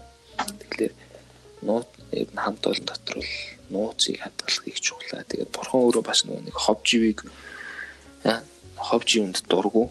Нөгөө нэг бид нэг ингээл залбирлын сэдвгээл ингээл заримдаа. Гэхдээ манай ч би тийм анзаараагүй л дээ зүгээр ер нь тэгээ сонсон байхгүй. Залбирлын сэдвгээл хүмүүс бие биенийхээ одоо ингээл асуудлыг хоорондоо ярилцаал. Нэрээ тийм залбирлын сэдв байгаа тэр тэгсэн гэсэн ингээл өөрөнд очиж хэлэх юм уу те. Тэр бол яг ингээд яг үнэндээ л ховж ингээд хөөцөлж байгаа асуудал болж байгаа учраас тэр нь зохимжгүй бүлгийн бас одоо нэг чуулганы хүмүүсийн нөхөрлийг их нураадаг гэсэн. Тэгээ ховж юм хүний сэтгэлийг шархуулж шархлуулж бутралыг дагуулж байдгаа гэсэн байсан. Сургаалт төгс 16-гийн 24 дээр. А тийм хүмүүстэй тэгвэл яах вэ? Ингээ ховж тараад хүмүүстэй гэсэн чинь хүмүүстэй болохоор очиод үннийг нь магадгүй хэлэхэд хэлэхэд тэр хүн дуурлаж бухимдаад одоо явах цуглааны бүр орхиж явах ч магадaltaй гэдэг чээс аахгүй. За Тит 3:10 дээр тийм хүмүүс өөрийнх нь хийж буй зүйлийг буруу шавал уурлаж цуглаанаас явч мэднэ гэсэн. Чинь энэ дээр болохоор цуглаан дотор нөхөрлөл нь тэр орхин явж байгаа хүнээс илүү чухлаа гэж бичсэн байсан. За сүүлийнх нь болохоор байнга уулзах хэрэгтэй гэжээс аахгүй. Нэгдүгээр анхны чуулга чуулганы итгэгч нар бол өдрө болгон тэ нэг сэтгэлээр цуглуулж талхай айлуудад хувааж баяр хүрдэг өрчин сэтгэлээс хоолцохож байлаа гэд Үлс 2-ын 46 дээр бичсэн чинь яг өтрлөхөнд сугалж исэн байгаа байхгүй. Тэгснээрээ тэд нар яг харилцааг бол илүү гүнзгийрүүлэх үсэх бие биенээс судалж тэр боломжтой байсан. Тэгэнгүүт би нэг зүйлийг бас энэ чинь ойлгосон. Еврей 10:26 дээр Ингэхдээ та нар зарим хүмүүсийн зуршил болсон шиг хамтран цуглахаа умарталгүй. Харин нөгөө өдөр ойртож бүр харах тусмаа би бие зэрвжүүлье гэж бичсэн байсан. Тэгээд энийг би дандаа буруу ойлгох гэлээс юм билээ л те. Би бодохдоо а ингээ хамтран цуглахыг зуршил болгоцсон нь буруу юм байна гэж ойлгоддаг гэсэн байна. Тэгсэн чинь харин эсрэгээрээ би биетэйгээ уулзахыг зуршил болгох хэрэгтэй гэсэн биш. Бүр бидний яг тэ зуршил болсон. Бүр очиж уулздаг заавалч үуч юм уу тэ.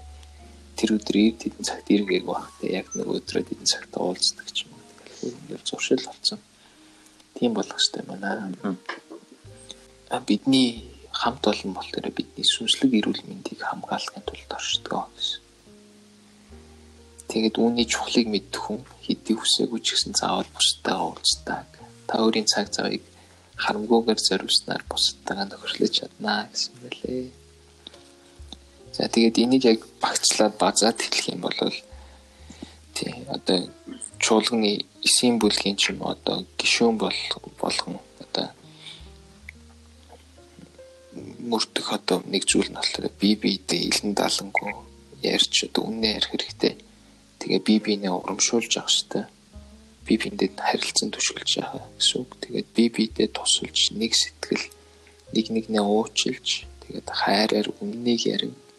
Өөрсдийн дутагдлыг хүлээн зөвшөөрч би биеэ хүндэтгэн ховч ярихгүй байж аа тэгээд тус цуглааныг тэргүүн тавих хэрэгтэй гэд ингэж бичсэн байна. Тэр нь болохоор нөгөө тасралтгүйгээр уулзахтай тус цуглааныг тэргүүн тавих гэдэг. Хамгийн төгсгөлт нь болохоор миний тодруулсан байгаагаар бол тэр хүн болгон хувиа бодгоо болох хэрэгтэй гэсэн үгийг тод тодруулсан байна. Тэгээд энэ нь болохоор ер нь тэгээд чуулганд одоо явж суглааны нэг би хэсэг байна гэдэг нь бидний тэнгэрийн улсад орохоор бэлтгэхэд тусалдаг гэсэн байна. Миний хувьд бодлоо та бид сайн ингээд таван зүйлийг сонслоо. Тэгээд яг бүгдээр нь тавлангийн ингээд хийхэд хүн чинь нөгөө сул дараа шүү дээ. Ямар нэг юм байгаад ингээд сул зан камер байдаг шүү дээ. Одоо жишээ нь шудраг байх гэхээр бүх хүн байж олон эсвэл шудраг байж чаддаг гэнэ. Аа тийм нэг бардам хүн байж болно тий. Яг энэ таван нэг хүнээс ингээд бүгд яг хад маш хэцүү байхгүй юу? Тэгээд Гэтэ яг энэ байж иж бид нар хамт олныг бүрдүүлнэ гэхэд тэгэхээр яах ёстой болж байна вэ гэхээр яг биднийг хийхийн тулд а эдгээр байснараа бид нар зүгээр нэг хамт олныг бүрдүүл биш хатан эрүүл хамт олныг бид болгох гээд байгаа шүү дээ тий. Тэгхийн тулд бид нар яг энэ бүгдийг хийхдээ бурхнаас аймсан ингээд санаж гоож бурхны тусламжтай чадах юм байна да. Тэгвэл Би бол яг өөр дээр ингэж бодож үздэг байхгүй. За нэг 2 3-ын ингэж хийх гэж хичээвэл болох байх юм нэг хоёр сан чанар юм уу хоёр байж надад ингээд тусдах үед. Эсвэл энэ тавыг би ингээд тавал ингээд гэр надаас амар их хүч амар хичээл чармаалт гарах хэвээр. Тэгэхээр мэдээж хүн хичээгээд тодорхой хэмжээгээр өөрчлөлт гарна. Харин тэгэнгүүт тэрийг ингээд би байн хийгээд чадах уу бас ингээд бүгдийг нэг хийж чадах уу гэдэг бодол гараад тэгээд яагаад бурхнаас тусламжгүй гуйхыг чадах хаа гэж бодлоо. Тэрнээс яг өөрийнхөө цагаараа ганцаараа бичээвэл би. Тий. Бодхон байна. Тий энд нөгөө нэг ариун сүнс биднэр тусалдаг гэдгсэн чинь яг тэ нөхөрлөлийг нөхөрлөлийг одоо тэ бий болгоход чуулган бие бинтэйгээ нөхөрлөхөд тэгээд харин нөгөө нэг бидний юун дээр нэг хичээл зүтгэл бас хэрэгтэй хичээл зүтгэл хүсэл бай хүсэл байх хэрэгтэй гэсэн. Тэгээ түүний бүрийн хуваалцсан сайн чухал зүйлсүүд тавьсан баярлалаа. Тэгээ өргөжлөлөө одоо хоёр хэсэг болсон байгаа. Маска хуваалцдаг үү? Тэгээ дараагийнхан сэдв нь болохоор гарсан харилцаагаас вихен гэдэг гэдэг байгаа. Тэгээ саяны одоо ер нь бол энэ хоёрдугаар зорилго татах яг гэр бүл бүтээг те хамт олон бүтээг харилцаа яг төвлөрөө гэдэг иймэрхүү агуулгатай явж байгаа. Тэгээд тэрэн дээр бидний хамгийн гацдаг хамгийн хэцүү байдаг бас нэг зүйл юу гэх юм бол яг зөрчил маргаан би бинтэйг үйл ажиллагаа гэдэг юм уу тийм тасарсан харилцаа тийм юм яаж шийдвэрлэх юм бэ гэдэг талаар энэ сэдвийн ерөнхийдөө ярина. Тэгээд энэ дээр болохоор бурхан биднэрт биднээс болохоор яг эвлэрсэн байхыг харилцаагаа дахин сэргээж байхыг тий хүсдэг. Тэгээд тэрийг яаж илэрхийлэх юм бэ гэх юм бол Библиэлд хэлсэн байна. 2 дугаар Коринт 5:18 дээр болохоор энэ бүхэн бурхнаас ирдэг бөгөөд тэрээр биднийг Христээр дамжуулан өөртөөгөө эвлэрүүлсэн. Ийхүү эвлэлийн үйлчлэгийг бидэнд өгчээ гэж Библиэлд хэлсэн байна. Тэгэхээр бурхан тэгээд бид нарын гин нүглээс болоод бид нартай эвлэрэх бид нартай хамт байх боломжгүй байсан. Гэхдээ Христээр дамжуулаад Христ бидний төлөө өгснээрээ бидний гин нүглийг хүчингүүд тооцноороо бид нар бурхан сайхад эвлэрэх боломжтой байсан шүү дээ. Тэр яг энэ шиг тэгээ бурхан бидний бурхан хүмүүс хоёрын харилцаа эвлэрсэн шиг энэ дэлхий дээр амьдарч байгаа физикийн даалдагч болсон физикийн хүмүүс болсон бид нар тэг нэг гэр бүл болсон бид нар ч гэсэндээ хоорондоо тасарсан харилцаагаа эвлэрэх эв нэгдэлтэй байхыг бурхан хүсдэг юм байна. Тэгээд ингэхийн тулд бид нар ямар хүмүүс байх хэрэгтэй вэ гэхээр амар тайвныг тогтоогч хүмүүс байх хэрэгтэй байна. Тэгэхээр амар тайвныг тогтоогч хүмүүс гэхээр та нарт ямар хүн юм бэ? Ээж нар ч шиг. Ээж болох л. Гэр бүл амар ээж нар байж болох юм гэсэн. Ээж нараа. Тэгэхээр Библиэлд ер нь бол хэлж байгаа Есүс бид нараас хүсэж байгаа тэр амар тайвныг тогтоогч хүн ямар хүн бэ гэхээр хэлээд болохоор энэ нь ямар хүн биш юм бэ гэдгийг хэлээд байгаа тийм. Энэ нь болохоор маргаан нас дайс гэдэг тийм. Ямар нэгэн зөрчилдөөн болонгоо а би зөрчилдөөнд оролцохгүй хүн гэдэг шууд дайс хийдэг, нэг зүгтдэг. Эсвэл их юм хэлдэггүй юм болчоор байна гэсэн үг бол биш амар тайвныг тогтоогч гэдэг нь эсвэл өөрийнхөө бодлыг ерөөсөө илэрхийлдэггүй эсвэл санаагаа хэлдэггүй үргэлж найр тийм дандаа өөрийнх нь буруу болж үлддэг дандаа хохирч үлддэг бас байна гэсэн үг биш ах нэ. Амар тайвныг тогтоогч байна гэдэг нь аа өөрийнхөө Есүс хүртэл тэ хамгийн шилдэг амар тайвныг тогтоогч байсан шүү дээ. Тэгээд Есүс өөрийнх нь библийн дагуу биш юмнуудыг те бурхны хүсдэг биш юмнуудыг зоригтойгоос хэлсэн. Энэ бол байж болохгүй зүйл те эсвэл бүр нөгөө нэг өөрийнх нь цуглааныг юм гэж захиулгсан. Айгу онцгүй болгосон байх нөхцөлтэй хүмүүсийг харааж явуулаад тэрнүүдийг нь те хэвлээд хийжсэн. Тэгэхээр болохгүй юмнуудыг нь бол үнэхээр яг шударгаар зөвлөдөг. Тэгэхээр өөрийнхөө бодол санааг бас илэрхийлдэг ийм Энийг бол амар тайвныг тогтоогч гэх юм ээ. Тэгээд дээрэс нь бол Крист дагалдагч нараа бие биендээ хайртай байгаагаараа дэлхийд танигдаасаа гэж хүсдэг гэж дөрөв бүлгүүд төрч гисэн байдаг. Тэгээд амар тайвныг тогтоогч хүмүүс ерөөлтэй явж гэж зүйлсээр бичсэн байдаг. Тэгэхээр энэ дээр амар тайвныг тогтоогч байх нь ямар чухал юм бэ гэдгийг библиэд бид айгүй олон удаа хэлсэн байгаа. Тэгэхээр тэгвэл яаж бид нартэй харилцаагаа сэргийлэх вэ гэдэг долоон аргыг бол энэ номон дээр ерөнхийдөө хэлдэг. Аа дурсан байгаа юм аа. За тэгээд нөхийг нь Тэд яхад өмнө тэр яриа гэдэг юм аа. Тэгээд аа бид нар хийх зүйлийг тэр хүмүүс агуу олон зүйлийг хүсэж байдаг. Гэтэ бид нар уг нь бурхнаас хүсэх хэрэгтэй, бурхнаас хүлээх хэрэгтэй. Тэгээд бурхан найдвараа тавих хэрэгтэй.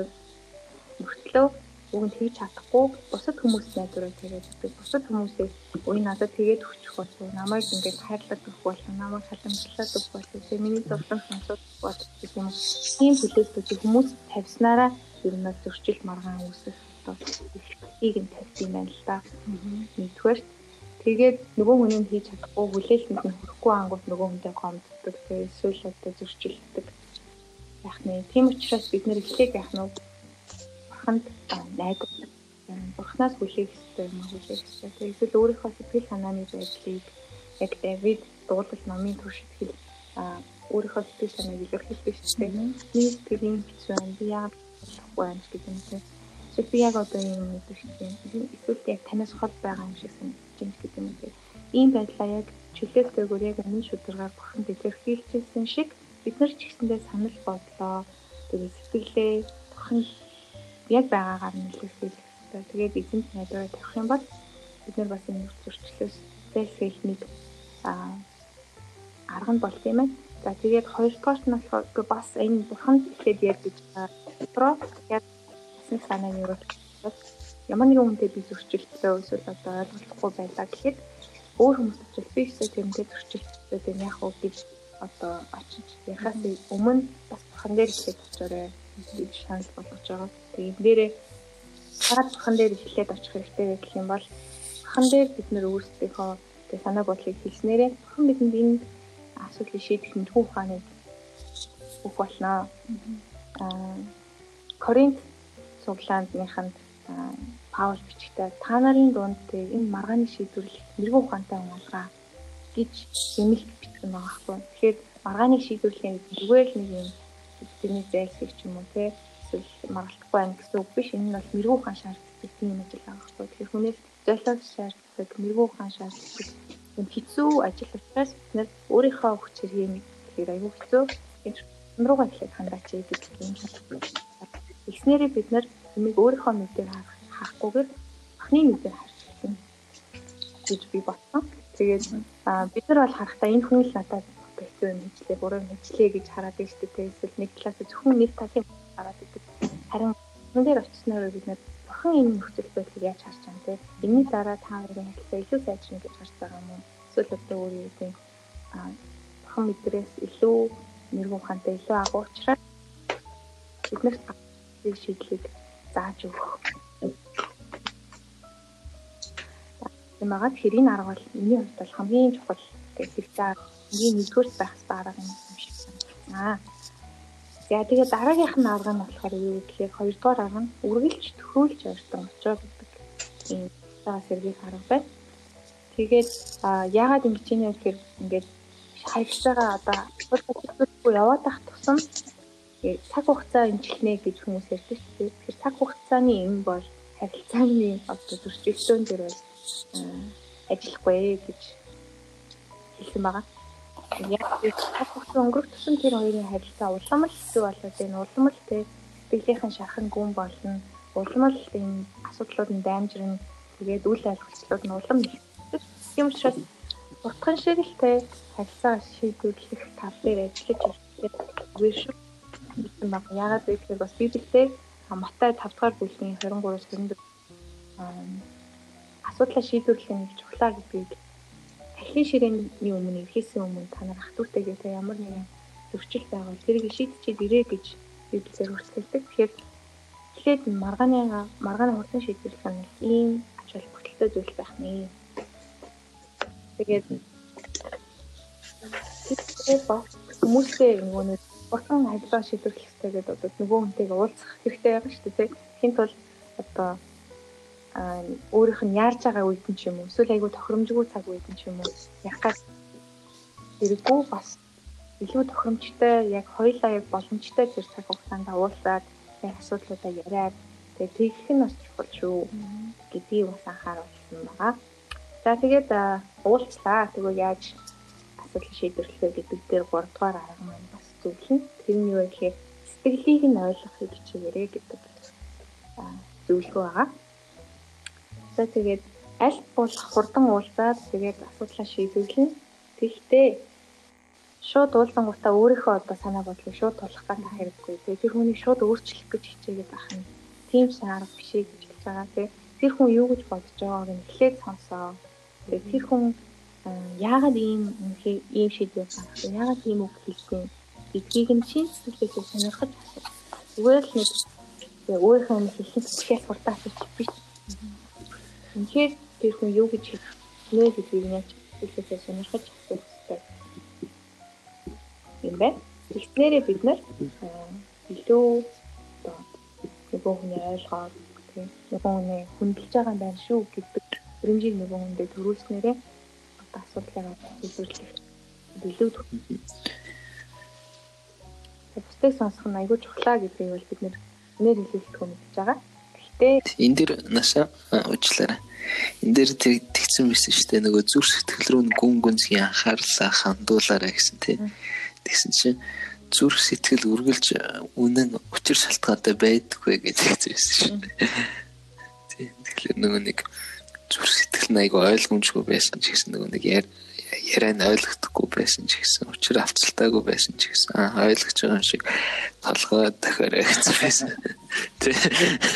Тэрэн тэгэж байсан. Тэгэхээр тэгж толгойд огч байгаа нь болохоор тэр хүнд ямар сэтгэл төрүүлэх вэ гэхээр энэ хүн намайг сонсож гин сонсож гин энэ хүн намайг хүндэлж байгаа юм байна гэдэг сэтгэл төрүүлээд тэгээд тэр нь илүү одоо агуулгааны ширүүсэхгүй байх одоо тийм нөхцөл байдлыг бүрдүүлж гэдэг юм л да. За тэгээд дараагийнх нь арга нь болохоор бас өөрийнхөө бурууг хүлээж сураа гэсэн байгаа. Тэгэхээр өөрийнхөө буруу хүлээнэ гэдэг нь одоо байдлыг айгүй сайнаар эргүүлэх арга болт юм байна л да. Тэгээ Библиэлд бас ийм ишлэлээд шүү дээ. Та нар ихэд өөрийнхөө нүднээс тэмцээ авч хаяа. Тэгээд над зах дүүг нүдэнд хүртсийг авч нар илүү сайн харах болно гэж Библиэлд хэлдэг. Тэгэхээр бид нэр өөрсдөө өөрийнхөө хатаг хэлхийг зөвшөөрөх. Тэгээд заримдаа өөрөө яг юу бүрэн мэдэхгүй байгаа гэдэг үе тохиолдол. Эсвэл өөрийнх нь миний зам чанар юу болохгүй байгаа юм бэ гэдгийг мэдэхгүй байгаа гэдэг. Юм бол яг хөө тий бурхнаас асуугаарай. Бас бусад хүмүүсээс ч их асуугаарай тий. Миний алдаад өгөх юу вэ? Тэгээ миний засах зүйлс юу вэ? Гэдгээ бурхнаас асуугаад тэгээ тэрийг олж мэдээг нөгөө хүндээ би энэ төрөндөө тэгчтэй би энэ бол миний буруу ээжээ тий би хэд чамд одоо мөнхөө гэлцтэй гэх юм. Ингэж алдаагаа хүлээн зөвшөөрснөөрөө аа илэрхлийн одоо хамгийн чухал нэг хэсэг нь бол юм байна. За тэгээд тав дахь сан харилцаагаа зэрэг арга нь болохоор хүн рүү биш асуудал руугаа. Тэгээд асуудалтай төвлөр рүү анхаарлаа хандуулаа гэдэг санаа байхгүй. Тэгэхээр одоо одоо маргалцсан хоёр хүн илэрхий хин нэгнийхээ бурууг олж олох гэж ч юм эсвэл энэ миний буруу биш чиний буруу байсан. Хин нэгэндээ нэг буруугаа тоххоод зүтгэх юм бол зөрчлийг бол хизээч чадахгүй гэж байгаа. Тэгэхээр аа чиний буруу гэдгээс илүү тэгээ энэ асуудал нь юу юм бэ гэдэгтээ илүү хэрэгтэй Тэгэхээр хин тулд одоо нэг юм хэлсэн юм л та. Энэ бол зөрчлийг шийдвэрлэхдээ юу хэлэхээр гэдэг нь Гэхдээ түүнээс гадна хэрхэн хэлэх вэ гэдэг нь чухал гэж хэлсэн байгаа. Тэгэхээр энэ дээр нөгөө нэг одоо юу хүн хэлэхдээ илүү төрөнгийн тэгээ мөнх хагаа хэлэх нь нөгөө хүн тийм л байдлыг дагаад хүлээж авах тийм нөхцөл байдлыг үүсгэж чинь. Тэр энийг нөгөө нэг цөмийн зүсэгтэй дайнд цөмийн зүсэг хэрэглэхтэй адилхан одоо дүүцүүлж байгаа байхгүй. Тэгэхээр хоёрдугаар дайны үед ч юм уу тэгээ бид нэр цөмийн ямар ямар хор хор нэг бүгдээр байгаа шүү дээ. Тэгэхээр энэ нөгөө нэг хүмүүс рүү хүмүүстэй одоо илэрхэж байгаа болоод тэгээ өөр бидний харилцаанд байдаг тэр сүмийн зэсгүүдээ бас устгая гэж байгаа хгүй. Тэгэхээр тэр сүмийн зэсг нь болохоор юу вэ гэхээр шүүмжлэл, харьцуулал, буруутгал, тэг эвүүцэл, даажигнах зэрэг бидний харилцаанд байдаг ийм сүмийн зэсгүүд байх юм. Тэр чинь бидний га хэлэх устгая байхгүй болоо болгоё. Тэгэхээр илүү хүндээ юм хэлэх цаа бол хэрхэн одоо яаж хэлэх вэ гэдэг дээрээ бас анхаарлаа хандуулах хэрэгтэй жаагүй. Аа.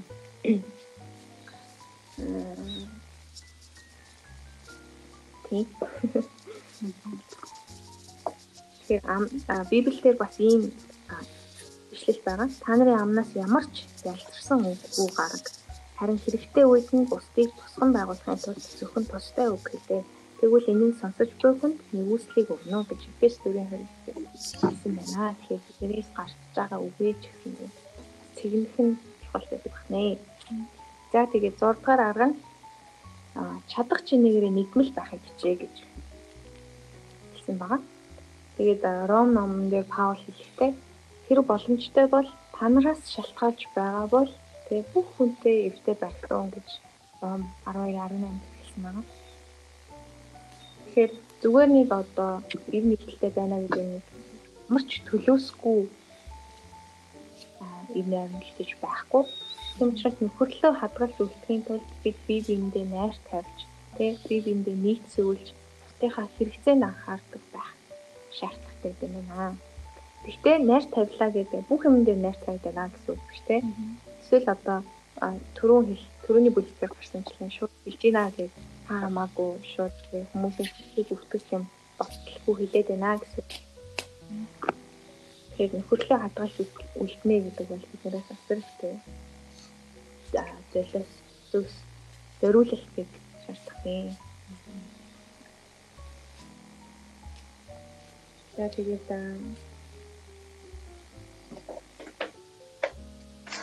дараагийнх арга нь хамгийн сүүлийн арга. Юу вэ гэхээр бус эвлэрлийг олж байгаа. Энэ зөв эвлэрлэгдэж байна гэхээр шийдэл нь асуудал эвлэрэл нь харилцаанд гэж байгаа. Тэгэхээр хүмүүсийн харилцаа одоо одоо бүх хүмүүсийн санаа бүх юм дээр нийлнэ гэж байхгүй шүү дээ. Бүх хүн өөр өөр юм гэсэн харах үнэтэй байна. Бүх хүн өөр өөр юм гэсэн одоо санаа бодтой байна. Тэгэхээр нэг юмыг нэг талаас нь харцаад тэгээд за зөвхөн минийх байх хэвээр миний зөв миний зөв байх хэвээр гэдэг үгч баггүй. Тэгээд тэр хоёр хоёулаа зөв талаас нь өөр өөр талаас нь харж байгаа учраас хоёулынхаа санаа бас зөв байдаг тийм учраас юг хийх хэрэгтэй гэхээр эвлэрсний дараа тэр асуудал нь одоо нэг чухал юм биш санагддаг. Тийм учраас эвлэрлээ анхаар онцлоо гэх тийм маш утгагүй одоо юм дээр халтаж хуваа илтгэж байдлахгүй маа. Тэгээд бид нэр эвлэрснээр энэ асуудлыг айгүй өчөөхөн зүйл бол юмчтай шүү гэж санааг магамаа. За тэгээд энэ хүү бүлгийн юм ингээд дуусж байгаа. Тэгээд бидний бодох ёстой асуулт юу вэ гэхээр өнөөдөр те харилцаагаа дахин сэргийлэх хэрэгтэй хүн байна уу? Хүн танарт байна уу? гэдгийг бодож үзээд тэгээд энийг саяны хэлсэн алхмуудын те агуудын дагуу аль болох хурдан шийдээрэй те аль болох бурхантай илүү бурхнаас мэрэгүү ухааныг асуугаад тэгээд тэрийг шийдвэрлэх тийм арга хэмжээг аваарэ гэсэн.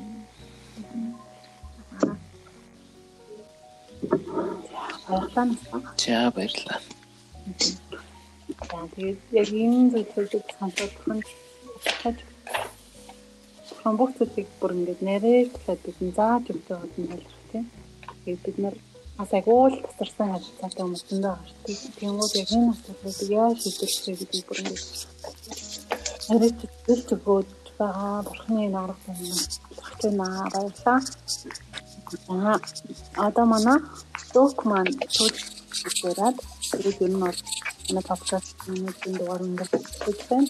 Ч ямар сэдвээ Аа чуулгана хамгаалах нь гэдэг сэдв байгаа хгүй. 21 дэх төр буюу 21 дэх сэдв Тэгээд аа энэ яг энэ сэдвийг эхлэхээс өмнө энд яг хоёр ишлэл байгаа байхгүй юу? Энэ ишлэл болохоор ингээд яг нэг юм нэг чухал нэг хідэн үг орсон нэг хоёр ишлэл байхгүй юу? Одоо уншил та. Амар тайван хүлээс дотор сүнсний нэгдлийг галахыг хичээх түн гэсэн байгаа байхгүй юу? Энэ болохоор Эфесийн Эфес 4-ийн 3 ишлэл байхгүй юу? Тэгээд энд амар тайван нь хүлээс дотор гэдэг одоо яг ингээд үг надаа их одоо тулсан. Ягаад гэвэл ингээд бид нэр ингээд ямар нэгэн шийдвэр гаргахдаа ингээд амар тайван дотор яг ингээд амар тайван дотор байвал бид нэр ингээд тэр тухайн шийдвэр гаргахдаа ингээд эргцүүл бодоод ер нь ингээд би яг ийм зүйл хийж чинь эсвэл энэ зөв ингээд сайн илүү сайн тунгааж боддөө штэ Тийм болохоор ингээд амар тайван дотор ингээд сүнсний нэгдлийг хадгалахыг хичээх тунгаж байгаа хгүй. Яг ингээд амар тайван дотор яг бид нэр ингээд яг яг энэ сүнсний нэгдэл буюу чуулганыг ингээд харилцаагаа ингээд цаашаа хатгалж авч яваарэ гэсэн одоо яг бурхны үг байхгүй юу. Тэгээд яг энэ ишлээс надад ингээд яг амар тайван гэдэг үг их туссан. Тэгээд бас дараагийн ишлэл нь болохоор яг энэ бүгдийн дээр хайрыг өмс хайр бол энэ нэгдлийн төгс холбоос юм. Колосе 3:14 байгаа байхгүй юу. Тэгээд энэ ишлээс болохоор бас яг хайр гэдэг үг яг ингээд бас яг надаа болохоор юм гэж орж ирсэн яг нөө ихтгэл найдвар хайр гурийн хамгийн агуу нь хайр шүү дээ. Тэгээд яг хайр болохоор ингээд бүх зүйлийг уучлалдаг, бүх зүйлийг ойлголдог. Яг хамгийн төгс нь одоо хайр болохоор ингээд хайр бүх зүйлийг ингээд холбож чаддаг зүйл юм аа гэдгийг яг энэ ишлэл хэлсэн байна. За тэгээд одоо бөөнөрөө чуулгана хэрхэн хамгаалах вэ гэж бодцоож байна. Би анх эвшээ би яг ингээд чуулганы хамгаалах тал ч юм уу яг тиймэрхүү зүйл болохоор яг нэг томчууд биш үү ингээд пастор одоо чуулганы одоо ахлагч нар тэгээд нөгөө магтаалын ахлагч махлагч нарын хийдэг зүйл болов гэж бодохгүй юу. Тэгсэн чинь ингээд яг чуулганы хамгаалах нь яг бидний хийх ёстой ажил юм билээ л дээ. Тэ. Тэгээд яг бурхан яг биднээс юу гэж хүсдэг вэ гэвэл яг ингээд бид нэр яг ингээд бид нарыг бурхны дотор яг ингээ нэг бие болоосай гэж хүсдэг байгаа хгүй юу. Энэ болохоор юу гэсэн үг гэхээр ингээд бид нэрийг нэг биеийг хатсан гар шиг ингээд байж чадвал ингээд Иесусийн дотор ингээд аа салж бутарч чадахгүй гэх юм уу гэд ямар нэгэн зүйлд ингээд гомдож готрахгүй цаашаа ингээд даун тулж чадна гэсэн үзлийг агуулж байгаа хгүй яг энэ зүйл маань яг хүмүүс бид нэр яг чуулганыг яг бүрдүүлж байгаа болохоор ингээд бурханд яг ингээд чуулган гэдэг зүйл болохоор амар эрхэм зүйл байгаа хгүй. Тэгээд яг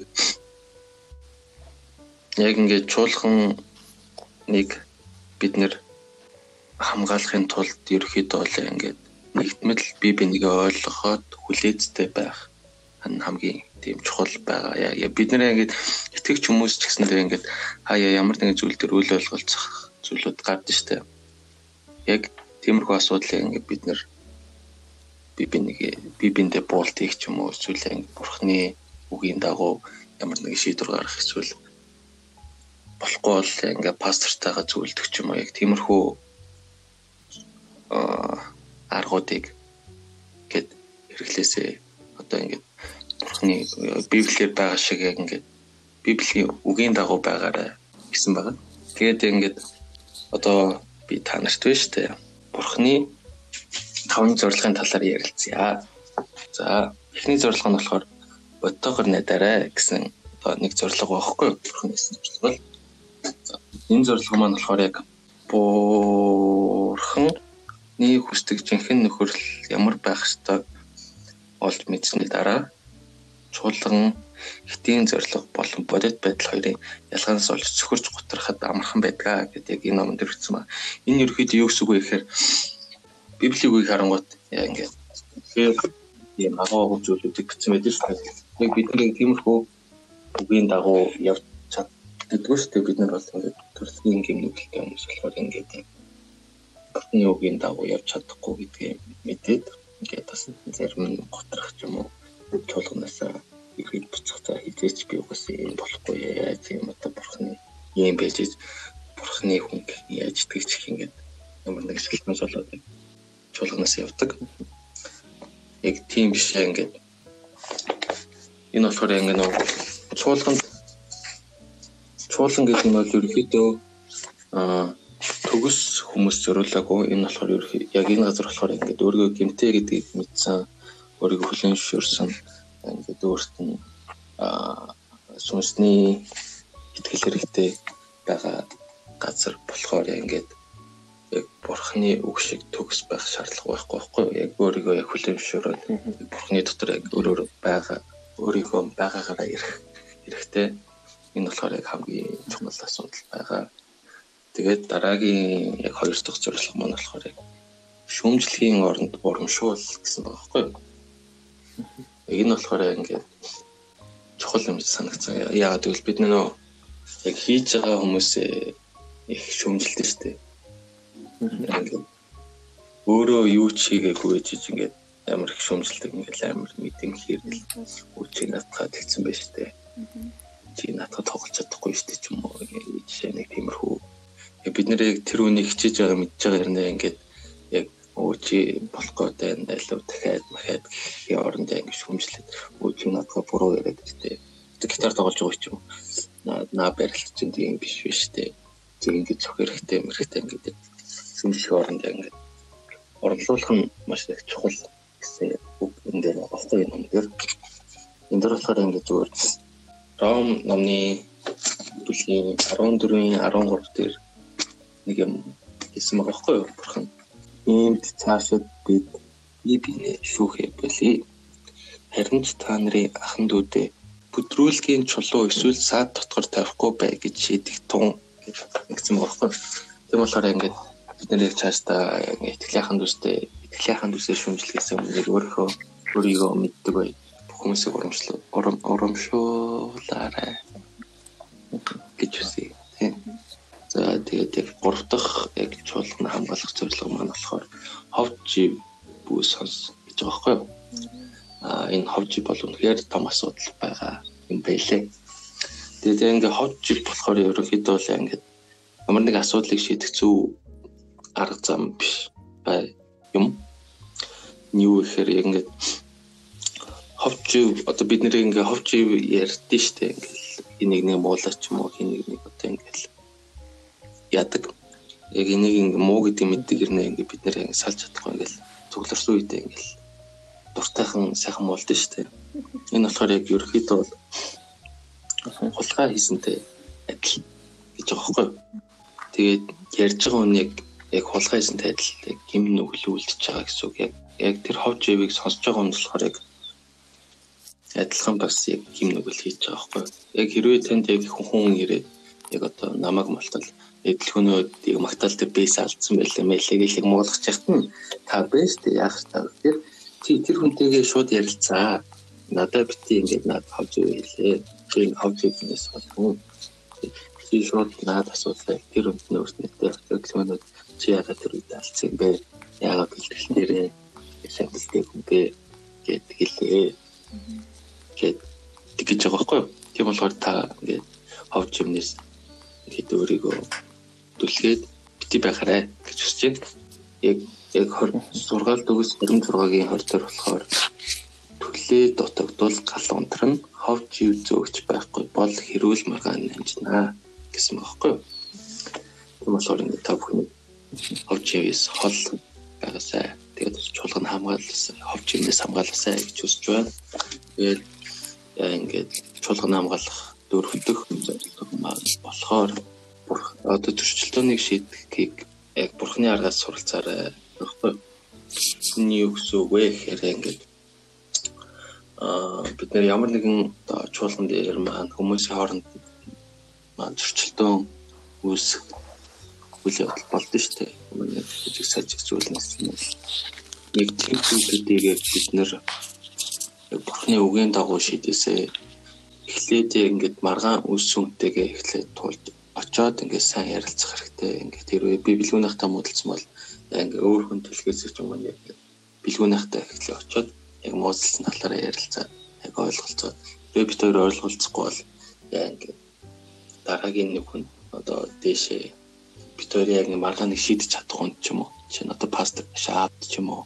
Яг ингээд бид хоёр яг иймэрхүү зүйлээс болж ингээд танаас ингээд бид хоёрыг бид хоёр зөвлөөж ингээд тэгээд гээд хэрвээ ингээд аа шийдэж чадахгүй бол ингээд энэ чуулганд мэдэгдгээд гэсэн байгаа байхгүй энэ ингээд тэгээд яг ингээд яг энэ асуудлаа ингээд чуулганд мэдэгдээд хэрвээ тэр хүн ингээд чуулганд мэдгдсэн ч гэсэнтэй ингээд зөрүүлээд байвал тэр хүнтэй итгэж бус хүн шиг харьцаарай гэж байгаа байхгүй энэ юу. Гэсэн үг вэ гэхээр одоо яг ингээд бурхны дотор хамгийн аав чадах хамгийн дээд хэмжээ юм шиг надад санагдсан байхгүй эхлээд ингээд яг баг багаар ингээд яг шийдвэр маань ингээд дахиад эхлээд яг тэр үнтэй харилцаад ингээд ойлголцохгүй дараа нэг чуулганыхаа пастор дараа нэг чуулган тэр аяараа ингээд ярилцаад болохгүй бол яа ингээд хамгийн дээд хэмжээ буюу яг тэр хүнтэй итгэж биш хүн шиг харцаарай гэдэг хэлсэн байгаа. Хамгийн сүүлийн 5 дахь зорилгыг хэлье. Энэ маань болохоор яг пастор болон үрдэгчнаа дэмжээрэй гэж байгаа юу? ямар нэгэн зүйл дээр яг төгс төгөлдөр байхгүй. Тийм болохоор бас ингээд яг төгс төгөлдөр цагсантай ингээд пастор хүмүүс гэсэндээ байхгүй байхгүй. Тийм болохоор ингээд тэгсэн тэгсэндээ ингээд пастор өдөртөг чахлагч нар гэдэг хүмүүс болохоор ингээд бурхны яг үйлийг хүрцээ яг бурхны өөрөө хариуцлагыг хүлээж авсан хүмүүс болохоор ингээд бид нэр тэр хүмүүсийн доор байх хэрэгтэй. Тэгээд бас ингээ пастрын ажил юм уу эсвэл өдөртөгч нарын ажил маань тийм тийм сайхан аз жаргалтай ажил биш юм байна. Маань болохоор юу гэсэн үг вэ гэхээр яа ингээд бид ингээ пастор яг пастор болохоор ингээд итгэгч нарынхаа тэгээ хоорондынхон зөрчилдөөнийг эсвэл ямар нэгэн асуудал хүмүүсийн асуудлыг ингээд барьж болох нэг хүнштэй яг тэг тийм болохоор ингээд энэ асуудлуудыг гэсэндээ ингээд гүйцэлдүүлдэг болохоор ингээд бас пасторууд хэцүү ингээд олон зүйлийг ингээд туулсан байдаг. Тийм болохоор ингээд бас бид нар пастрыгаа хайрч унтлээд ингээд дэмжиж тусалж байгаасаа хүсэж байна. Тэгээд бас хэзээ нэг цагт ингээд пасторуудаа ингээд бүхний өмнө зогсоод биднийг одоо хэрхэн сайн асарсан халамжилсан талаараа ингээд ихтгэл тавих юм байлээ л дээ. Одоо нөгөө эцсийн өдөр тэгээд бид нэр ч гэсэн бас ингээд яг аа бурхны өмнө очиод бас өдөртөгчтэй хэрсэн одоо дуулууртай байсан яг үгийг хэрсэн сонссон гэдэг талаараа бас ихтэй байна. Тийм болохоор ингээд пастрыг хөндлөө тэгээ пастрын өмнө ороод тэгээ пастраа туслах дэмжээсэй гэж хүссэн. Тэгээ яг биднийг яг сүнслэгээр өдөртөж үйлчлдэг хүмүүсийг ингээд бид нарыг хөндлөө тайрлж ингээд дэмжих хэрэгтэй. Тийм байна.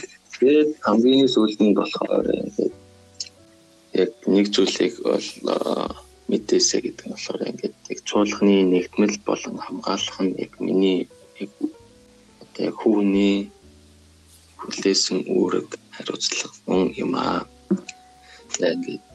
Яг тааж гэсэнтэй ингээд яг чуулганыг хамгаалах үүрэг харьцуулбад ингээд гар би оролцоосоо.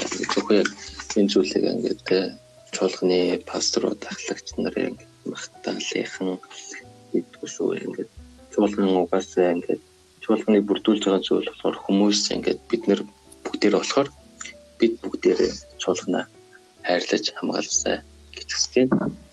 Тэгээд би яг өөрөөсөө нэг зүйл яг энэ номонд байгаа зүйлийг өөрөөсөө асуусан байхгүй энэ маань болохоор яг би чуулганаа нэгнэл болгон хамгаалахын төлөө юу хийж байгаа вэ гэсэн. Тэгээ би энэ асуултанд болохоор дараагийн одоо өсвөр залуучдынхаа төлөө хийж байгаа зүйлүүд маань ингээд миний чуулганы хамгаал хамгаалах ч юм уу яг тэгж байгаа зүйл маань муу юм болов гэж бодсон байхгүй ингээд жишээ нь хөгжим заах ч юм уу ингээд бурхны үгийг ингээд хамт хуваалцах цаг маг гарах нь яг ингээд нэг тодорхой нэгэн хамгаалж байгаа арга чарга болов гэж хөрг амтан бодсон.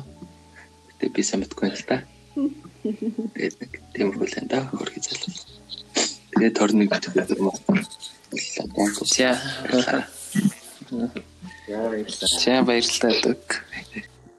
Баярлалаа. Тэгээд а яг саний нөгөө сүүлийн чуулганы хамгаалсан тул та юу хийж байна гэдэг асуулт. Би саний локи ярьсан дээр би нэг жоохон татсан байхгүй юу. Тэгээд Тэгээд бид нар нөгөө итгэж хувь хүнийг бүр өөр өөртөө ингэ хитэж амьдэрдэг шүү дээ. Тэсээ хамгаалахын тулд бидний хав зэрэг хөөцөлдөхгүй, бидний шуумжлахынхаа оронд оромшуулах хэрэгтэй. Бидний өдөр төчөөхөн өмнө бод ортой хүндэлтэй байна гэдэг хувь хүнийг бүр хичээдэг шүү дээ. Итгэж хүн бүр а яг ингэж байгаа нь өөрийнхөө итгэлийн хувьд хичээж байгаа мэд боловч бас чуулганы хамгаалж байгаа юм үйл ажиллагаа гэсэн болж өгч байгаа юм байна гэдгийг хараад би аа бас энэ зүйл маань гэсэн миний ингээд өөрийнхөө хувь хүндлээс сэтгэл байгаа гэж харсан зүйл маань бас чуулганы хамгаалахад минь бас тус болж байгаа гэдэг юм байна гэж ойлгосон байхгүй юу. Тэгээд хүний бүрийн одоо бидний ингээд подкаст хийгээд чадах зэнийгээр ингээд суралцгаа хичээж байгаа нь гэсэн хон дотор суралцгаа хон дотор өсгөөд хичээж байгаа нь бас болгоно хамгаалах тусны хэлбэр юм шүү. Тэгээд яг юмд оролцож байгаа та бүгдэд баярлалаа гэж урамшуулмаар байхгүй юу? Тэгээд өнөөдрийнхөө ер нь подкастыг ингээд өндөрлөхийг бодсон. Тэгээд бид нар ингээд нэг том зорилгыг ерөнхийд нь ингээд хамт ярьж байгаа. Бас маш шатан зүйлийг ингээд суралцах гэж олж авч байгаа. Тэгээд энэ бүх зүйлээ бас өөрсдөө дар бүрээ тэмдэглээд бас амьдралдаа хэрэгжүүлээд үүс болгоод яваарэ гэж та бүгдээ бас бидний сонсож ухаарч бас нэг нэг байтгаа нэг ч юм уу эсвэл ямар нэгэн тодорхой байдлаар сурч авсан гэдэг та бүхэн гэсэн хэрэгжүүл тэгээд үс болон хийгэрээ гэж хүсэж бас өрөөж бас гойж байна. Тэгээд а төсөөлтөн хэлэхэд манай энэ подкаст маань ямар ямар том хаягуудаар тавигдаж байгаа вэ гэвэл Spotify, SoundCloud, Google Podcast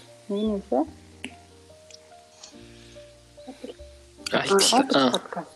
Тэгээд том хайгууд дээр манай подкаст маань гэрэл тогтын гэрэлтэй подкаст гэж хэлж байгаа шүү та бүхэн ороод сонсож үзээрэй гэж хүсэж. Тэгээд өнөөдөр бүхэл сэтгэл сэтгэлээ гарган хамтдаа ярьсан намартаа баярлалаа. Subscribe хийх мартваа. Subscribe хийх мартваа гэж. Аа тэгээд баярлалаа бүгдээ сайн хамраарай дараагийн дугаараар болцгаая.